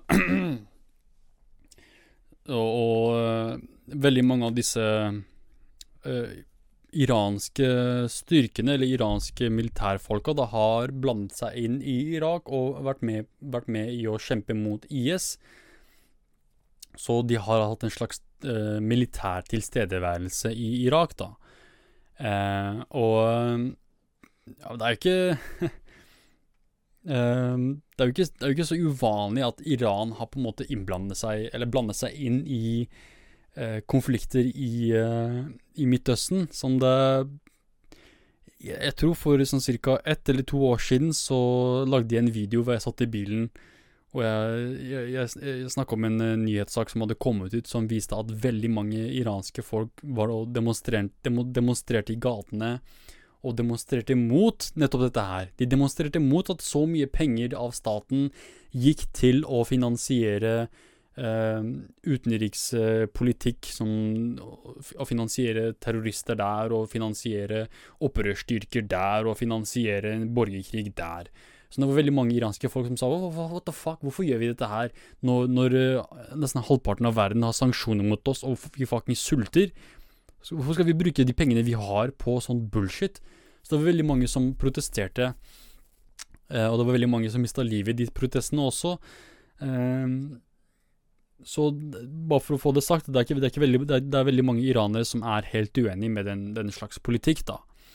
Men det er i hvert fall man, man har man har slike Man har slik politikk i Iran, da.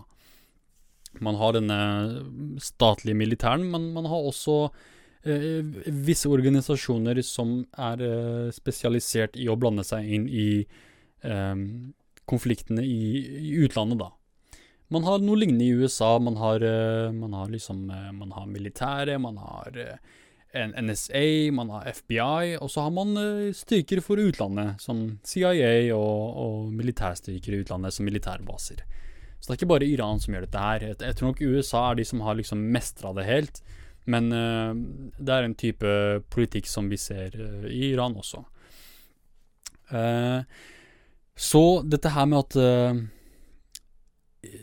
Shia-irakere og Iran er blitt så vennlige det er noe som eh, Saudi-Arabia ikke liker. For det greia med Midtøsten er at det er på en måte to supermakter. Iran og Saudi-Arabia. Noen vil si ja, men Tyrkia sånn, Nei, Tyrkia de, ikke til den grad. Sånn, ikke, ikke, til den grad. De, de, de, tidligere da så har de ikke søkt etter å, å uh, ha innflytelse over sine naboland til den grad Iran og Saudi-Arabia har forsøkt å gjøre. Um, men det viste som kanskje om et par år så endrer det seg, fordi man har jo en uh, ustabil leder der også, Erdogan, som kan gjøre hva som helst når som helst, egentlig. Så jeg vil ikke, vil ikke sånn 100 si at uh, Tyrkia ikke blir en slik stat senere også. De har jo blandet seg inn i Syria til en stor grad. Så man kan kanskje argumentere for at det er tre supermakter. Og når man ser til Israel, så vil man kanskje, kanskje, si at det er fire supermakter, for Israel har jo atomvåpen. Men når det kommer til å, å, å, på en måte ønske innflytelse over andre stater, så er det etter min mening for det meste Iran og Saudi-Arabia som aktivt blander, blander, seg inn i eh, konflikter i Midtøsten.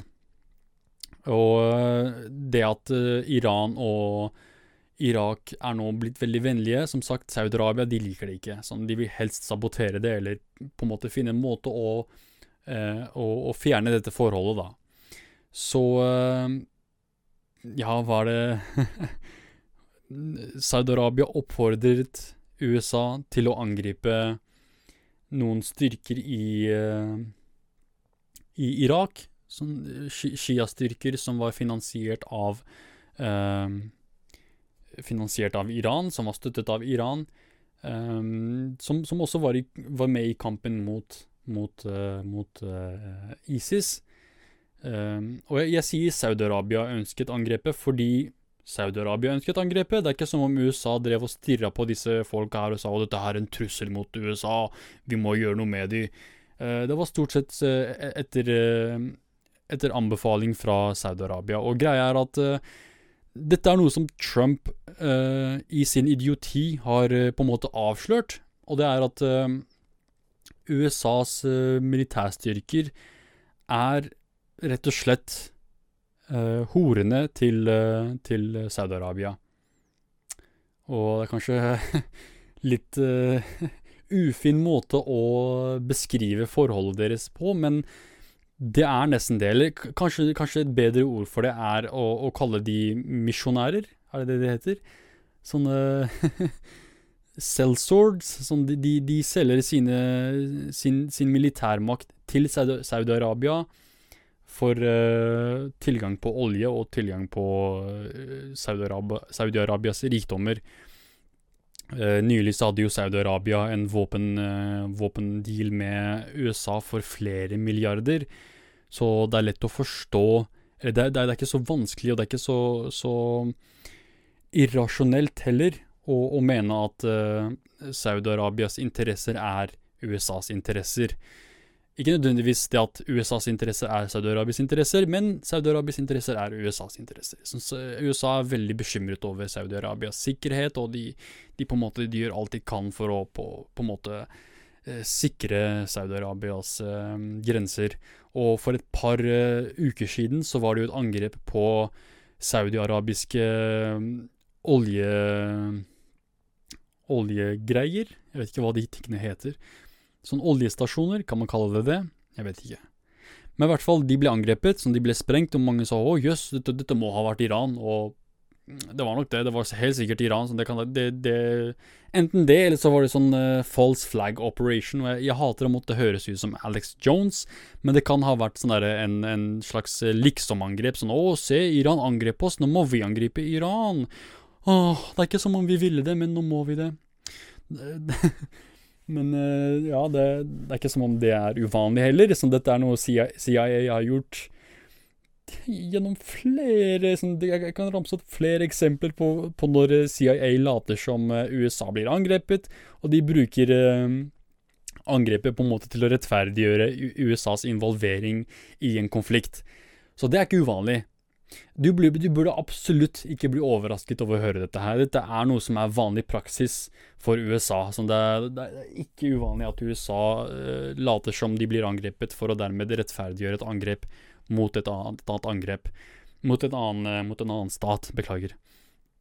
Men i hvert fall, uh, hvis, hvis, vi, hvis, vi, skal stole på den informasjonen vi får fra Midtøsten, da, så, er det, så er det ikke så, så eh, dumt da å, kanskje mistenke at eh, Saudi-Arabia angrep disse, eller oppfordret USA til å angripe disse styrkene i, i Irak, da, disse Shia-styrkene, Iran-støttede styrkene i Irak, som en slags hevn for at uh, de ble angrepet i Saudi-Arabia. Deres oljeområder ble angrepet.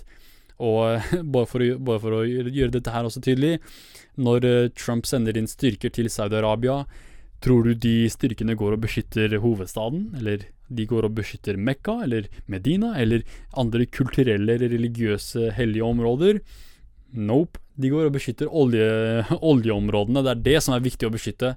Det samme i Syria, og det samme i, Irak også. Sånn, uh, Trump, Trump, liksom, igjen, Trump i sin idioti, han innrømmet hva USAs intensjoner er. Sånn, han sa oh, we have secured the oil fields.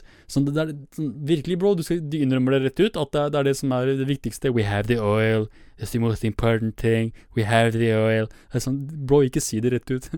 Sånn, Bush sa det ikke rett ut. Bush er en fuckings idiot. Sånn, he-he-he, We trying to get the oil. sånn, han sa aldri det. Han, han, han, sa det aldri rett ut. Men Trump er så idiot at han sa det rett ut. Sånn, vi, prøver, vi er der for å beskytte olja. Så det er, det er, jævlig morsomt at i sin idioti så har han innrømmet sannheten. Uh, så igjen, det er ikke så uvanlig, eller det er ikke så irrasjonelt å, å, å, påstå at USA er der for oljen, eller at all slags involvering fra USA sin side er ikke humanitær, men heller uh, profitt. Uh, sånn. Sånn, de, de, er der for profitt. De er ikke der for, uh, for å beskytte menneskeliv. Uh, og det, det, det, samme ser vi jo i Jemen. Sånn, konflikten i Jemen er helt det samme. Man har uh, Shia-styrker som på en måte driver opprør, og så har man uh, saudiarabiske droneangrep og saudiarabiske styrker og våpen som blir brukt mot, mot sivilbefolkningen, mot, mot opprørerne, fordi eh, Saudi-Arabia de vil ikke ha sånn, noe Shia-styrker eller noe Shia-innflytelse i det området. Um, og det er ikke bare der. Dette det, det er en uh, type konflikt vi ser i, i, uh, i store deler av Midtøsten. Og uh, hvem, hvem, er Irans styrker? Som vi nevner Jeg nevnte at USA har organisasjoner som CIA, men Iran de har de har også sine eh, sine, sine styrker. Eh, du har kanskje hørt om Quds Forces, sånn disse Quds-styrkene. Og det er det som er ho deres hoved... uh, sånn uh, hovedrolle da er å blande seg inn i situasjoner og konflikter i, i utlandet på vegne, av, på vegne av Iran, da. Så ja, bare for å gå tilbake til Irak her. Mot nyttår så var det slik at amerikanske styrker ledet et angrep på fem baser styrt av Irans eh, støttede Katyab Hezbollah-gruppen. Eh, og de hevder at eh, det var en slags respons på gjentatte angrep på irakiske baser, hvor eh, koalisjonen, altså USA og Vestens, eh, personell har blitt angrepet. Og bare for å på en måte gi de litt credibility her, og det, det er at eh, disse styrkene, sånn Irans støtt, støttede Kathiab Hezbollah, eh, som er en underorganisasjon for Popular Mobilization Forces, som er igjen støttet av Iran. Veldig mange av disse folka har kommet ut og sagt det rett ut, sånn yo, USA, pell dere ut, eller så dreper vi dere. Hvis dere ikke vil at eh, deres soldater skal komme hjem igjen i, i, i kister, pell dere fuckings ut. Og dette, dette, er noe de sa sånn mens krigen mot IS foregikk. Så det, dette er noe de har sagt i sånn flere år. Det er ikke sånn en ny trussel at uh, Shia, eller Iran-backede styrker i, i, Irak hater amerikanske styrker og har truet dem og angrepet dem. Det kan jeg tro på. Fordi de har sagt det rett ut. Sånn yo, vi kommer til å angripe dere. Yo, vi kommer til å angripe dere. Og det er nettopp det de har gjort. Så det er ikke så overraskende, og vi, vi bør ikke være sånn så overrasket over at det kanskje har skjedd. Men igjen, jeg vil si at uh, den største motivasjonen for dette angrepet her er basert på oppfordringer fra Saudi-Arabia, som vil minske, minke uh, innflytelsen til Iran i Irak. Uh, og mange vil si 'hvem bryr seg'? Sånn, what the fuck, hvem bryr seg? Penger, bro! Penger, olje! Sånn, følg med her, det er det det handler om. Fuckings olje og penger. Det handler ikke om fuckings uh, hva som er moralsk riktig, og hva som er politisk riktig. Det handler om penger. Så selvfølgelig skal de blande seg inn, for det, det, det er snakk om masse penger her. Vi blander oss inn. Norge blander seg inn. Du visste kanskje det ikke, men eh, Norge er en av de største mm, oljeselskapene i Nord-Irak. Så det er vi som hjelper kurderne med å pumpe ut all den olja. Uh, ja, det, det syns jeg er veldig sånn utrolig rart. Er at uh, vi som kurdere flykta til Norge, og Norge flykta til Kurdistan for å pumpe olja, vårt, olja vår. Uh, og det, det er jævlig, jævlig lættis, egentlig, men uh, som sagt, sånn, alle, alle, vil ha en bit av denne kaka her. Selv Norge, som er liksom Vi er jo englebarn. Sånn, vi elsker fred og sivilisasjon og alt det der. Selv vi blander oss inn i en såpass uh, katastrofal og kaotisk situasjon som den situasjonen i Irak. Nettopp fordi vi har masse interesser der, med tanke på olje. Um, så dette angrepet på disse fem, eh, fem eh, basene styrt av eh, Irans Katyab Hezbollah De sier at dette er et svar fra USA um, Eller det er det de påstår, at dette er liksom USAs svar. Um, men som sagt, ja, det, er greit å være skeptisk, det kan jeg godt forstå. Det er greit å være skeptisk, men uh, igjen, det er, det er, også slik at iranske styrker lenge har truet med å drepe amerikanske soldater hvis de ikke trekker seg ut av Irak. Så det, det må du også ta hensyn til. Så begge sider av saken må, må, må, ta, må tas hensyn til her, hvis de skal være rettferdige. Um, men igjen, på den ene siden så kan dette her uh, være sånn propaganda, rett og slett. Um, men igjen, det er også Jeg vil si svært sannsynlig, basert på utsagn fra militærgruppens ledere tidligere. Uh, men uansett, uh, Popular Mobilization Forces, som uh, Ja, de fungerer som en slags paraplyorganisasjon for Irans, Irans støtt, ira, iranske støttede grupper i Irak. Så det er veldig mange sånne forskjellige grupper i Irak, og mange av disse er, de er styrt av Popular Mobilization Forces, som igjen er eh, har stor innflytelse fra Eller er sterkt påvirket av Quds-styrkene, som igjen svarer til Irans president. Så det er liksom det er, Iran har definitivt en, en, rolle å spille her. De er definitivt involvert. Um, men greia er at uh, disse folka fra, fra Katyab Hezbollah uh, De erklærte at uh, 25 av deres soldater ble drept, og at 51 ble skadet. Dette er store tap. Og det, det, førte til de protestene som du kanskje så på TV, når, når iranske folk ikke iranske folk, irakiske irakiske sjiafolk og de som, de som, støttet og så på disse, disse sjiastyrkene som helter. De begynte å angripe ambassaden i Bagdad, amerikanske ambassaden i Agdad, og de satte fyr på den, og det var helt kaos.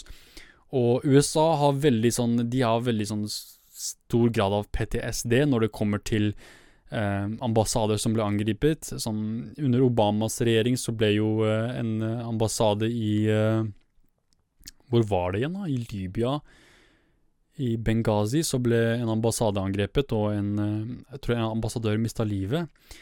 Så USA liksom, de har PTSD når det kommer til å, å få sine ambassader angrepet. Så Trump reagerte med en gang. Så nå han, eh, sånn, de, de, Utenriksdepartementet erklærte at de skulle sende ut uh, det var Forsvarsdepartementet, jeg husker ikke hvilket departement det var. Men USA sender ut sånn cirka Der og da sender de ut 750 soldater til Irak. Som på en måte for å For å uh, sikre sikre situasjonen, og så lover de å sende sånn opptil 5000 styrker, tror jeg, sånn i løpet av uh, et par dager eller et par uker. Så USA svarer på eh, iranske styrkers ønske om å få USA ut med å sende mer folk fra USA inn til Irak. Så Veldig idiotisk av disse styrkene å angripe og, og, og prøve og, i det hele tatt true sånn USA sånn Det er ikke slik du får de ut. Du får de ut ved å ved, ved, å, ved å være så demokratisk og ikke voldelig som mulig. Og det er eh, Det er egentlig det det de gjorde etterpå. Så veldig lenge har de kommet med trusler og 'vi skal drepe dere', 'vi skal knulle dere, morapuler', 'vi skal fucke dere opp hvis du ikke peller dere ut av Irak'. Sånn, Det funket ikke, tydeligvis. Så endelig så bestemte de seg for ok, la oss gjøre dette her demokratisk, og de kom fram til at eh, Eller ja, staten kom fram til å eh, Til et forslag som vil um, fjerne alle amerikanske soldater fra Irak som en respons på det, dette her som har skjedd. da. Så, dette her kom etter alle disse bombingene og disse, disse drapene på disse, disse styrkene. Um, men en ting som er viktig å huske, er at uh, uh, disse folka som vil ha Irak ut, er ikke sunni-irakerne som led mest under, som et resultat av USAs invasjon. Det er faktisk Shia-styrkene som vil ha de ut. Det er, liksom, det er veldig rart. sånn, The fuck, er ikke dere som har fått tjent mest, mer enn noen andre, på USAs involvering? Men det er de som, som også vil ha, de, som vil ha USA ut mer enn noen andre. Det er faktisk eh, slik at veldig mange kurdere og sunni-irakere som er uenige med dette her, liksom, de, de tenker sånn Nei, nei, det er ikke, dere trenger ikke å gå. Sånn, dere kan godt bli, altså. Vi har fortsatt en krig mot IS her. Uh, men, uh, men, ja, det er, det er, som sagt det er for det meste Shia-styrker, eller Shia-irakere, da, som vil ha amerikanske soldater vekk fra Irak. Uh, en kort tid etter, etter, dette her, og med kort tid mener jeg bokstavelig talt et par timer, så ble Qasem Soleimani, en uh, iransk general og leder av Qud-styrkene som jeg snakket om, drept av et amerikansk droneangrep. Uh, og greia med droneangrep og USA er ja, det, det, det, det, er en slags eh, strategi eller en uh, drapsmetode som er uh, veldig godt likt av USA, fordi det liksom det er det er veldig lite risikabelt, og det er større sannsynlig for at du treffer, du treffer målet ditt og absolutt pulveriserer målet ditt. Så Ja, hvis noe plutselig sprenger ut av det blå, så, så er det bokstavelig talt en drone som er i himmelen, det blå, som sprenger noe. Uh, og det er veldig Ja, jeg, jeg, jeg, ler av det. Sånn ha-ha, drone fra himmelen som ingen ser komme, plutselig sprenger, sprenger folk til pulver. Uh, jeg ler av det, men det er faktisk folk der ute, som i Jemen, og i Pakistan som er livredd for blå himmel. Livredd for blå himmel, fordi det betyr droner. Og når det er storm, når det er liksom utrolig elendig vær, så kan de endelig puste ut, fordi droner er ikke, er ikke aktive i sånn vær. De er bare aktive når det er åpen, blå himmel, vakker himmel. Da er det mest sannsynlig for at droneangrep eh, kommer til å skje. Um, så det er egentlig, ja, å bli bomba ut av det blå, det har aldri vært mer bokstavelig enn en i dag, da, med tanke på USAs um, foretrukkede drapsmetoder. Um, ja, det Ja, hva kan man kalle det? Bare for å oppsummere her. En ukonvensjonell krigsføringsmetode. Det, det, det, ja, det, er det jeg vil kalle det. En ukonvensjonell krigsmetode. Uh, og det er ikke bare noe CIA driver med, men også, også kuststyrkene. De driver også med ukonvensjonell krigsføring. Enten det er å, å, å starte opp sånn falske opprør og dermed eh, starte, skape kaos, eller det er å eh, drive attentat, eller det er å eh, torturere visse folk. Sånn det, det, dette er eh, noe KUD-styrkene og CIA har til felles. Ikke bare innblanding, men også ukonvensjonell krigsføring. Uh, uh, og greier at kurdstyrkene, ledet av Qasem Soleimani, um, de, er, de er ikke bare blanda seg inn i Irak, de har også blanda seg inn i, skal vi se her uh, Libanon, Palestina, Jemen, Syria og Afghanistan. Så de, de har liksom De er involvert i veldig mange konflikter i Midtøsten og Asia. Um, men i hvert fall som en respons på at Qasem Soleimani den 3. januar 2020 ble drept, så bestemte iranske styrker om å angripe noen amerikanske krigsbaser i Irak. Det, det, synes jeg er litt rart. Er sånn eh, USA angriper styrker i Irak, som var venner av Iran, og Iran blir sur og sier hei, fuck deg, vi skal angripe deg ved å angripe militærbaser, ikke i USA, men i Irak. Så begge to angriper Irak. Sånn er det, det, er, sånn, det, er, irakerne som blir fucked over her. Sånn, what the fuck? Uh, men i hvert fall, de, de, de angriper uh, amerikanske militærbaser i Irak. Og uh, mange av disse er sånn Ikke overraskende nok, de er, de er, i Kurdistans regionale regjering, fordi det er der det er tryggest. Det er der det er finest. Det er der det er som folk, folk føler seg mest trygg, da. Så det betyr i praksis at uh, angrepene ble rettet mot kurdere. Fordi når du angriper en krigsbase uh, i kurdiske områder, så er det et angrep på kurdiske områder, ikke, ikke, ikke, arabiske områder. Og det som er litt rart, er at uh, de krigsbasene som, som antageligvis ble angrepet, eller de som de mente å angripe, de ble ikke angrepet. Det er, det er de landsbyene rundt disse krigsbasene som ble, som ble angrepet. Altså kurdere, kurdiske bonder, det er de som ble angrepet. Um, det var nylig en artikkel, jeg husker ikke om det var Aftenposten eller VG eller Dagbladet, som, skrev, som hadde en rapport om, uh, om disse folka som uh, opplevde denne bombingen. Da som mange av de fikk husene sine pulverisert, og det var en, sånn, en levende bombe i gata som folk, som folk var redd for skulle eksplodere når som helst, eller kanskje var giftig, eller noe sånt. Så eh, befolkningen ble absolutt sånn, traumatisert av, av, opplevelsen, men heldigvis var det ingen som døde. Um, bare som materielle skader, men uh, også mentale skader. Sånn herregud, du blir bomba sånn her, plutselig ut av det blå. Uh, så det er ganske, ganske skumle greier. Så mens dette her skjer, igjen bare for å gå tilbake til protestene i Irak Mens USA og Saudi-Arabia og USA sorry, og Iran eh, leker sjakk med folks liv, så, så foregår protestene fortsatt, sånn mot, mot staten. De, de, foregår fortsatt i Irak. Og eh, den nåværende statsministeren Adil Abdul Mahdi, som faktisk er kurder, eh, han har trukket seg som statsminister. Sånn, han har fått nok. Sånn, eh, han, han, klarer ikke sånn folk Eller regjeringen er altfor inkompetent, så han takler det ikke. Sånn, han sier fuck det er liksom Uh, og uh, Shia-folka, da, politikerne, har kommet med forslag til hvem som kan uh, erstatte han. Og demonstrantene er sånn der, vet du, fuck det, det er ikke det. Det, er ikke, det vil ikke gjøre ting bedre. og han derre statsminister Abdel Adil Abdul Mahdi han, liksom, han, han har sagt seg enig med, med, med demonstrantene om at uh, ja, han skal, ikke, han skal, ikke, anbefale denne personen som uh, neste statsminister fordi demonstrantene ikke er enig med det. Så han respekterer ønskene til demonstrantene. Og som svar så har veldig mange demonstranter sagt yo, ja, nice, takk for at du støtter oss. Mens noen andre demonstranter er sånn, vet du hva, fuck you, din jævla sviker. Sånn, det, det, er forskjellige meninger på, på denne, denne, dette valget fra statsminister Adil Abdul Mahdi.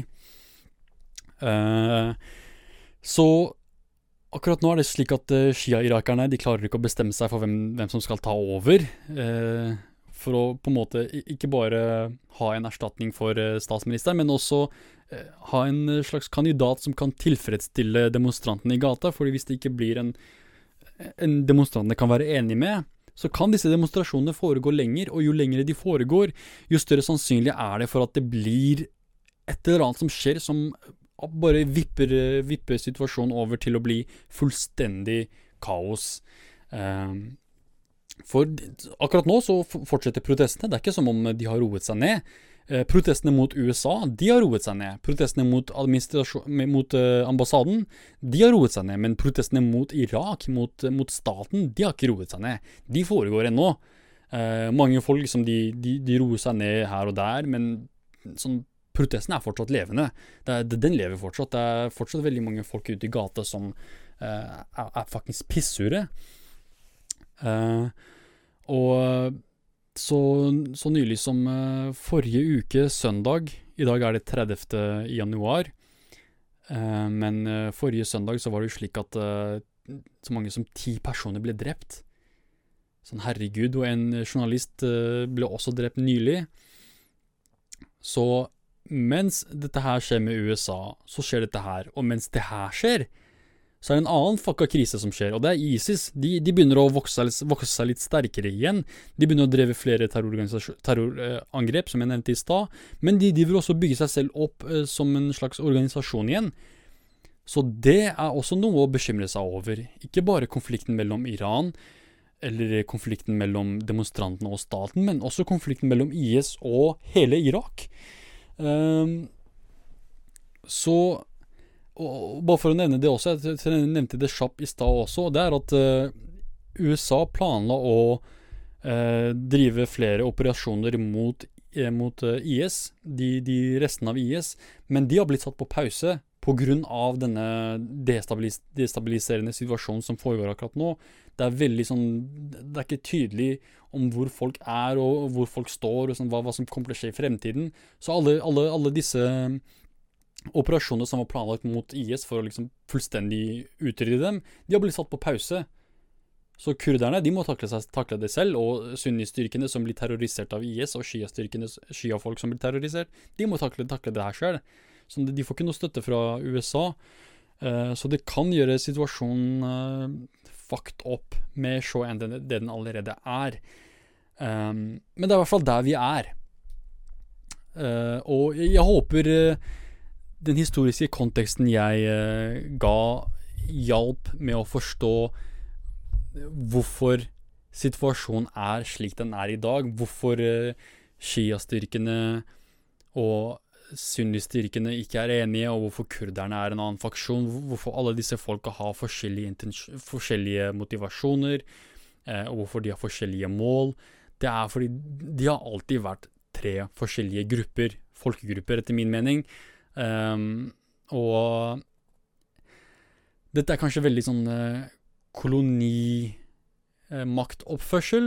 For jeg har jo, det akkurat det jeg mener er problemet, at kolonimakter kommer og bestemmer over grenser. Men jeg tror det kan også være løsningen her. Og dette er noe som veldig mange på min side politisk, sånn ideologisk, som er progressive sosialdemokrater eller sånne libertarianske verdier, sånn frihet, eller har eh, visse konservative verdier, eller hva enn det er. Sånn, folk som er enige med meg til en viss grad. Det vil kanskje være svært uenige med meg om akkurat dette her. Men jeg mener at svaret på dette problemet, da, som er skapt av syntetiske landgrenser opprettet av USA, er at USA oppretter nye grenser. nye syntetiske grenser igjen. Men denne gangen gjøre det riktig. Denne gangen ikke basere det på hvor visse oljeområder ligger, hvor visse eh, naturressurser ligger, men heller hvor visse folkegrupper ligger. Og hvor visse religiøse minoriteter ligger. Hvor visse eh, Hva enn det er da, som, som skiller folkegruppene sterkt fra hverandre. Men jeg mener det holder med å dele de tre. Det holder med å dele det med eh, fjellområdene, som irakere, de, de, har sånn Arabere har sånn De har null interesse av å bo fuckings langt oppe i fjellene. Sånn, de forstår seg ikke på den livskulturen.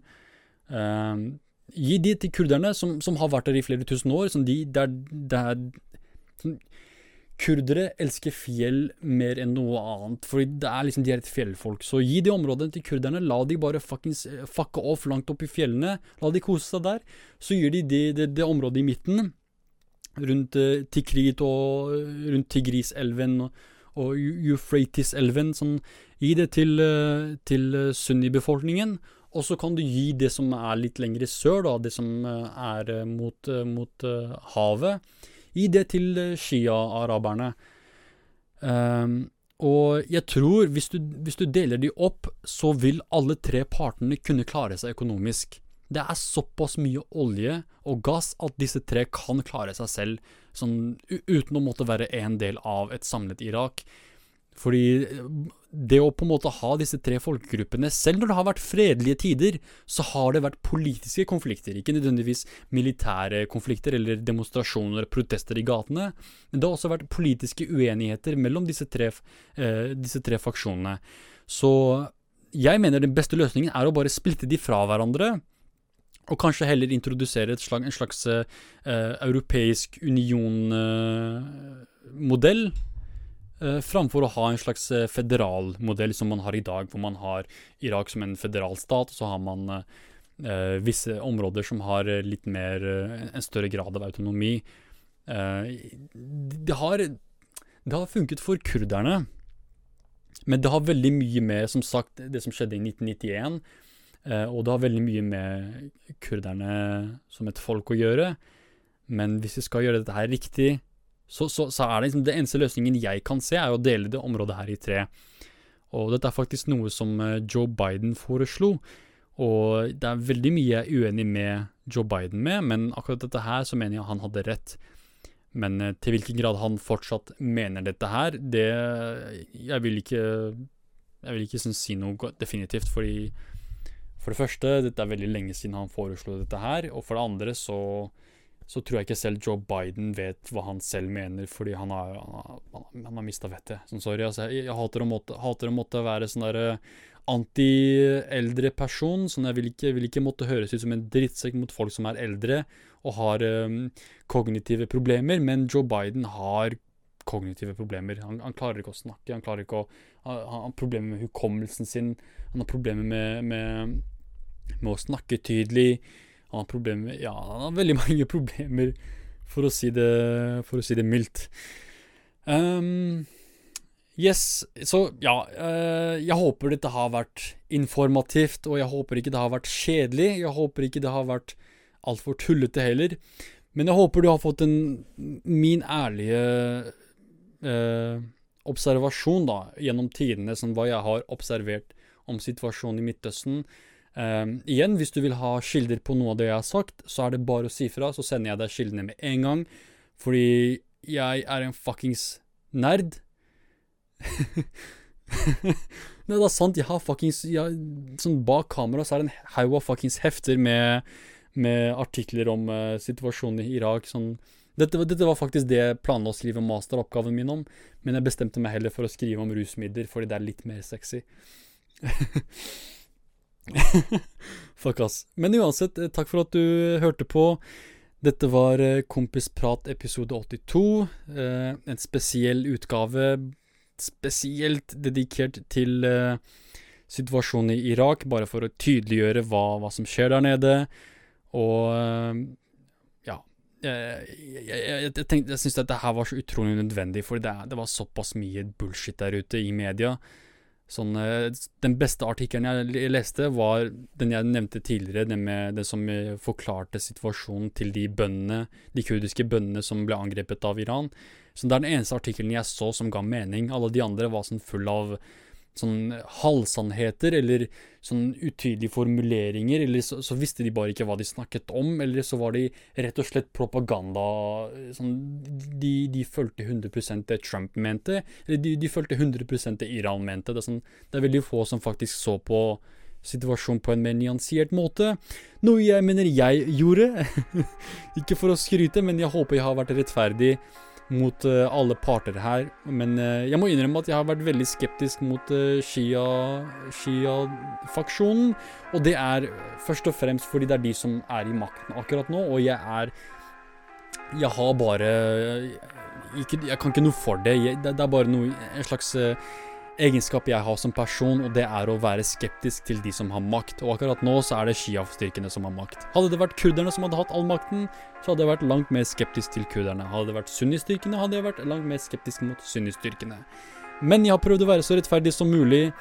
Uh, og igjen, jeg håper du har uh, funnet denne podkasten informativ. Uh, du må gjerne følge meg på på Twitter at Hiwarneheli. Du må gjerne abonnere på YouTube-kanalen hvis du er fan av YouTube. Der eh, putter jeg ut uh, disse podkastene med video, så hvis du eh, hvis du vil eh, Ja, hvis du vil se på podkastene istedenfor å høre på podkastene, så har du den muligheten også. Og hvis du er Ja, hvis du er glad i slike nyhetsgreier, så finner du mer av det på YouTube-kanalen kanalen til til Pratgjengen på eh, YouTube slash Hivar12345, eller bare gå inn på YouTube, så søker du på Prat Network. Du kan også følge Kompisprat på iTunes, på Spotify og på Soundcloud. Hva enn du selv foretrekker.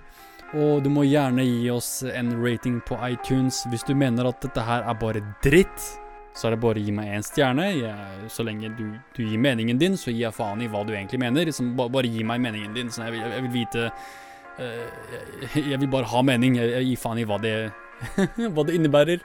Sorry, ass, men uh, alle har sine meninger. Jeg har min mening, ingen bryr seg om min mening, og jeg bryr, jeg bryr meg ikke om noen andres meninger. det var veldig fælt. Uh, det, er, det er ikke slik jeg mente å si det. Sorry, det bare kom ut feil, og jeg nektet å endre meningen min. og eller jeg nektet å omformulere, omformulere meg selv fordi jeg er altfor sliten akkurat nå. Så jeg tror eh, det er best å bare avslutte før jeg eh, sier noe mer dumt. Så takk for at du hørte på. Dette var Hivar, og nå litt heftig musikk.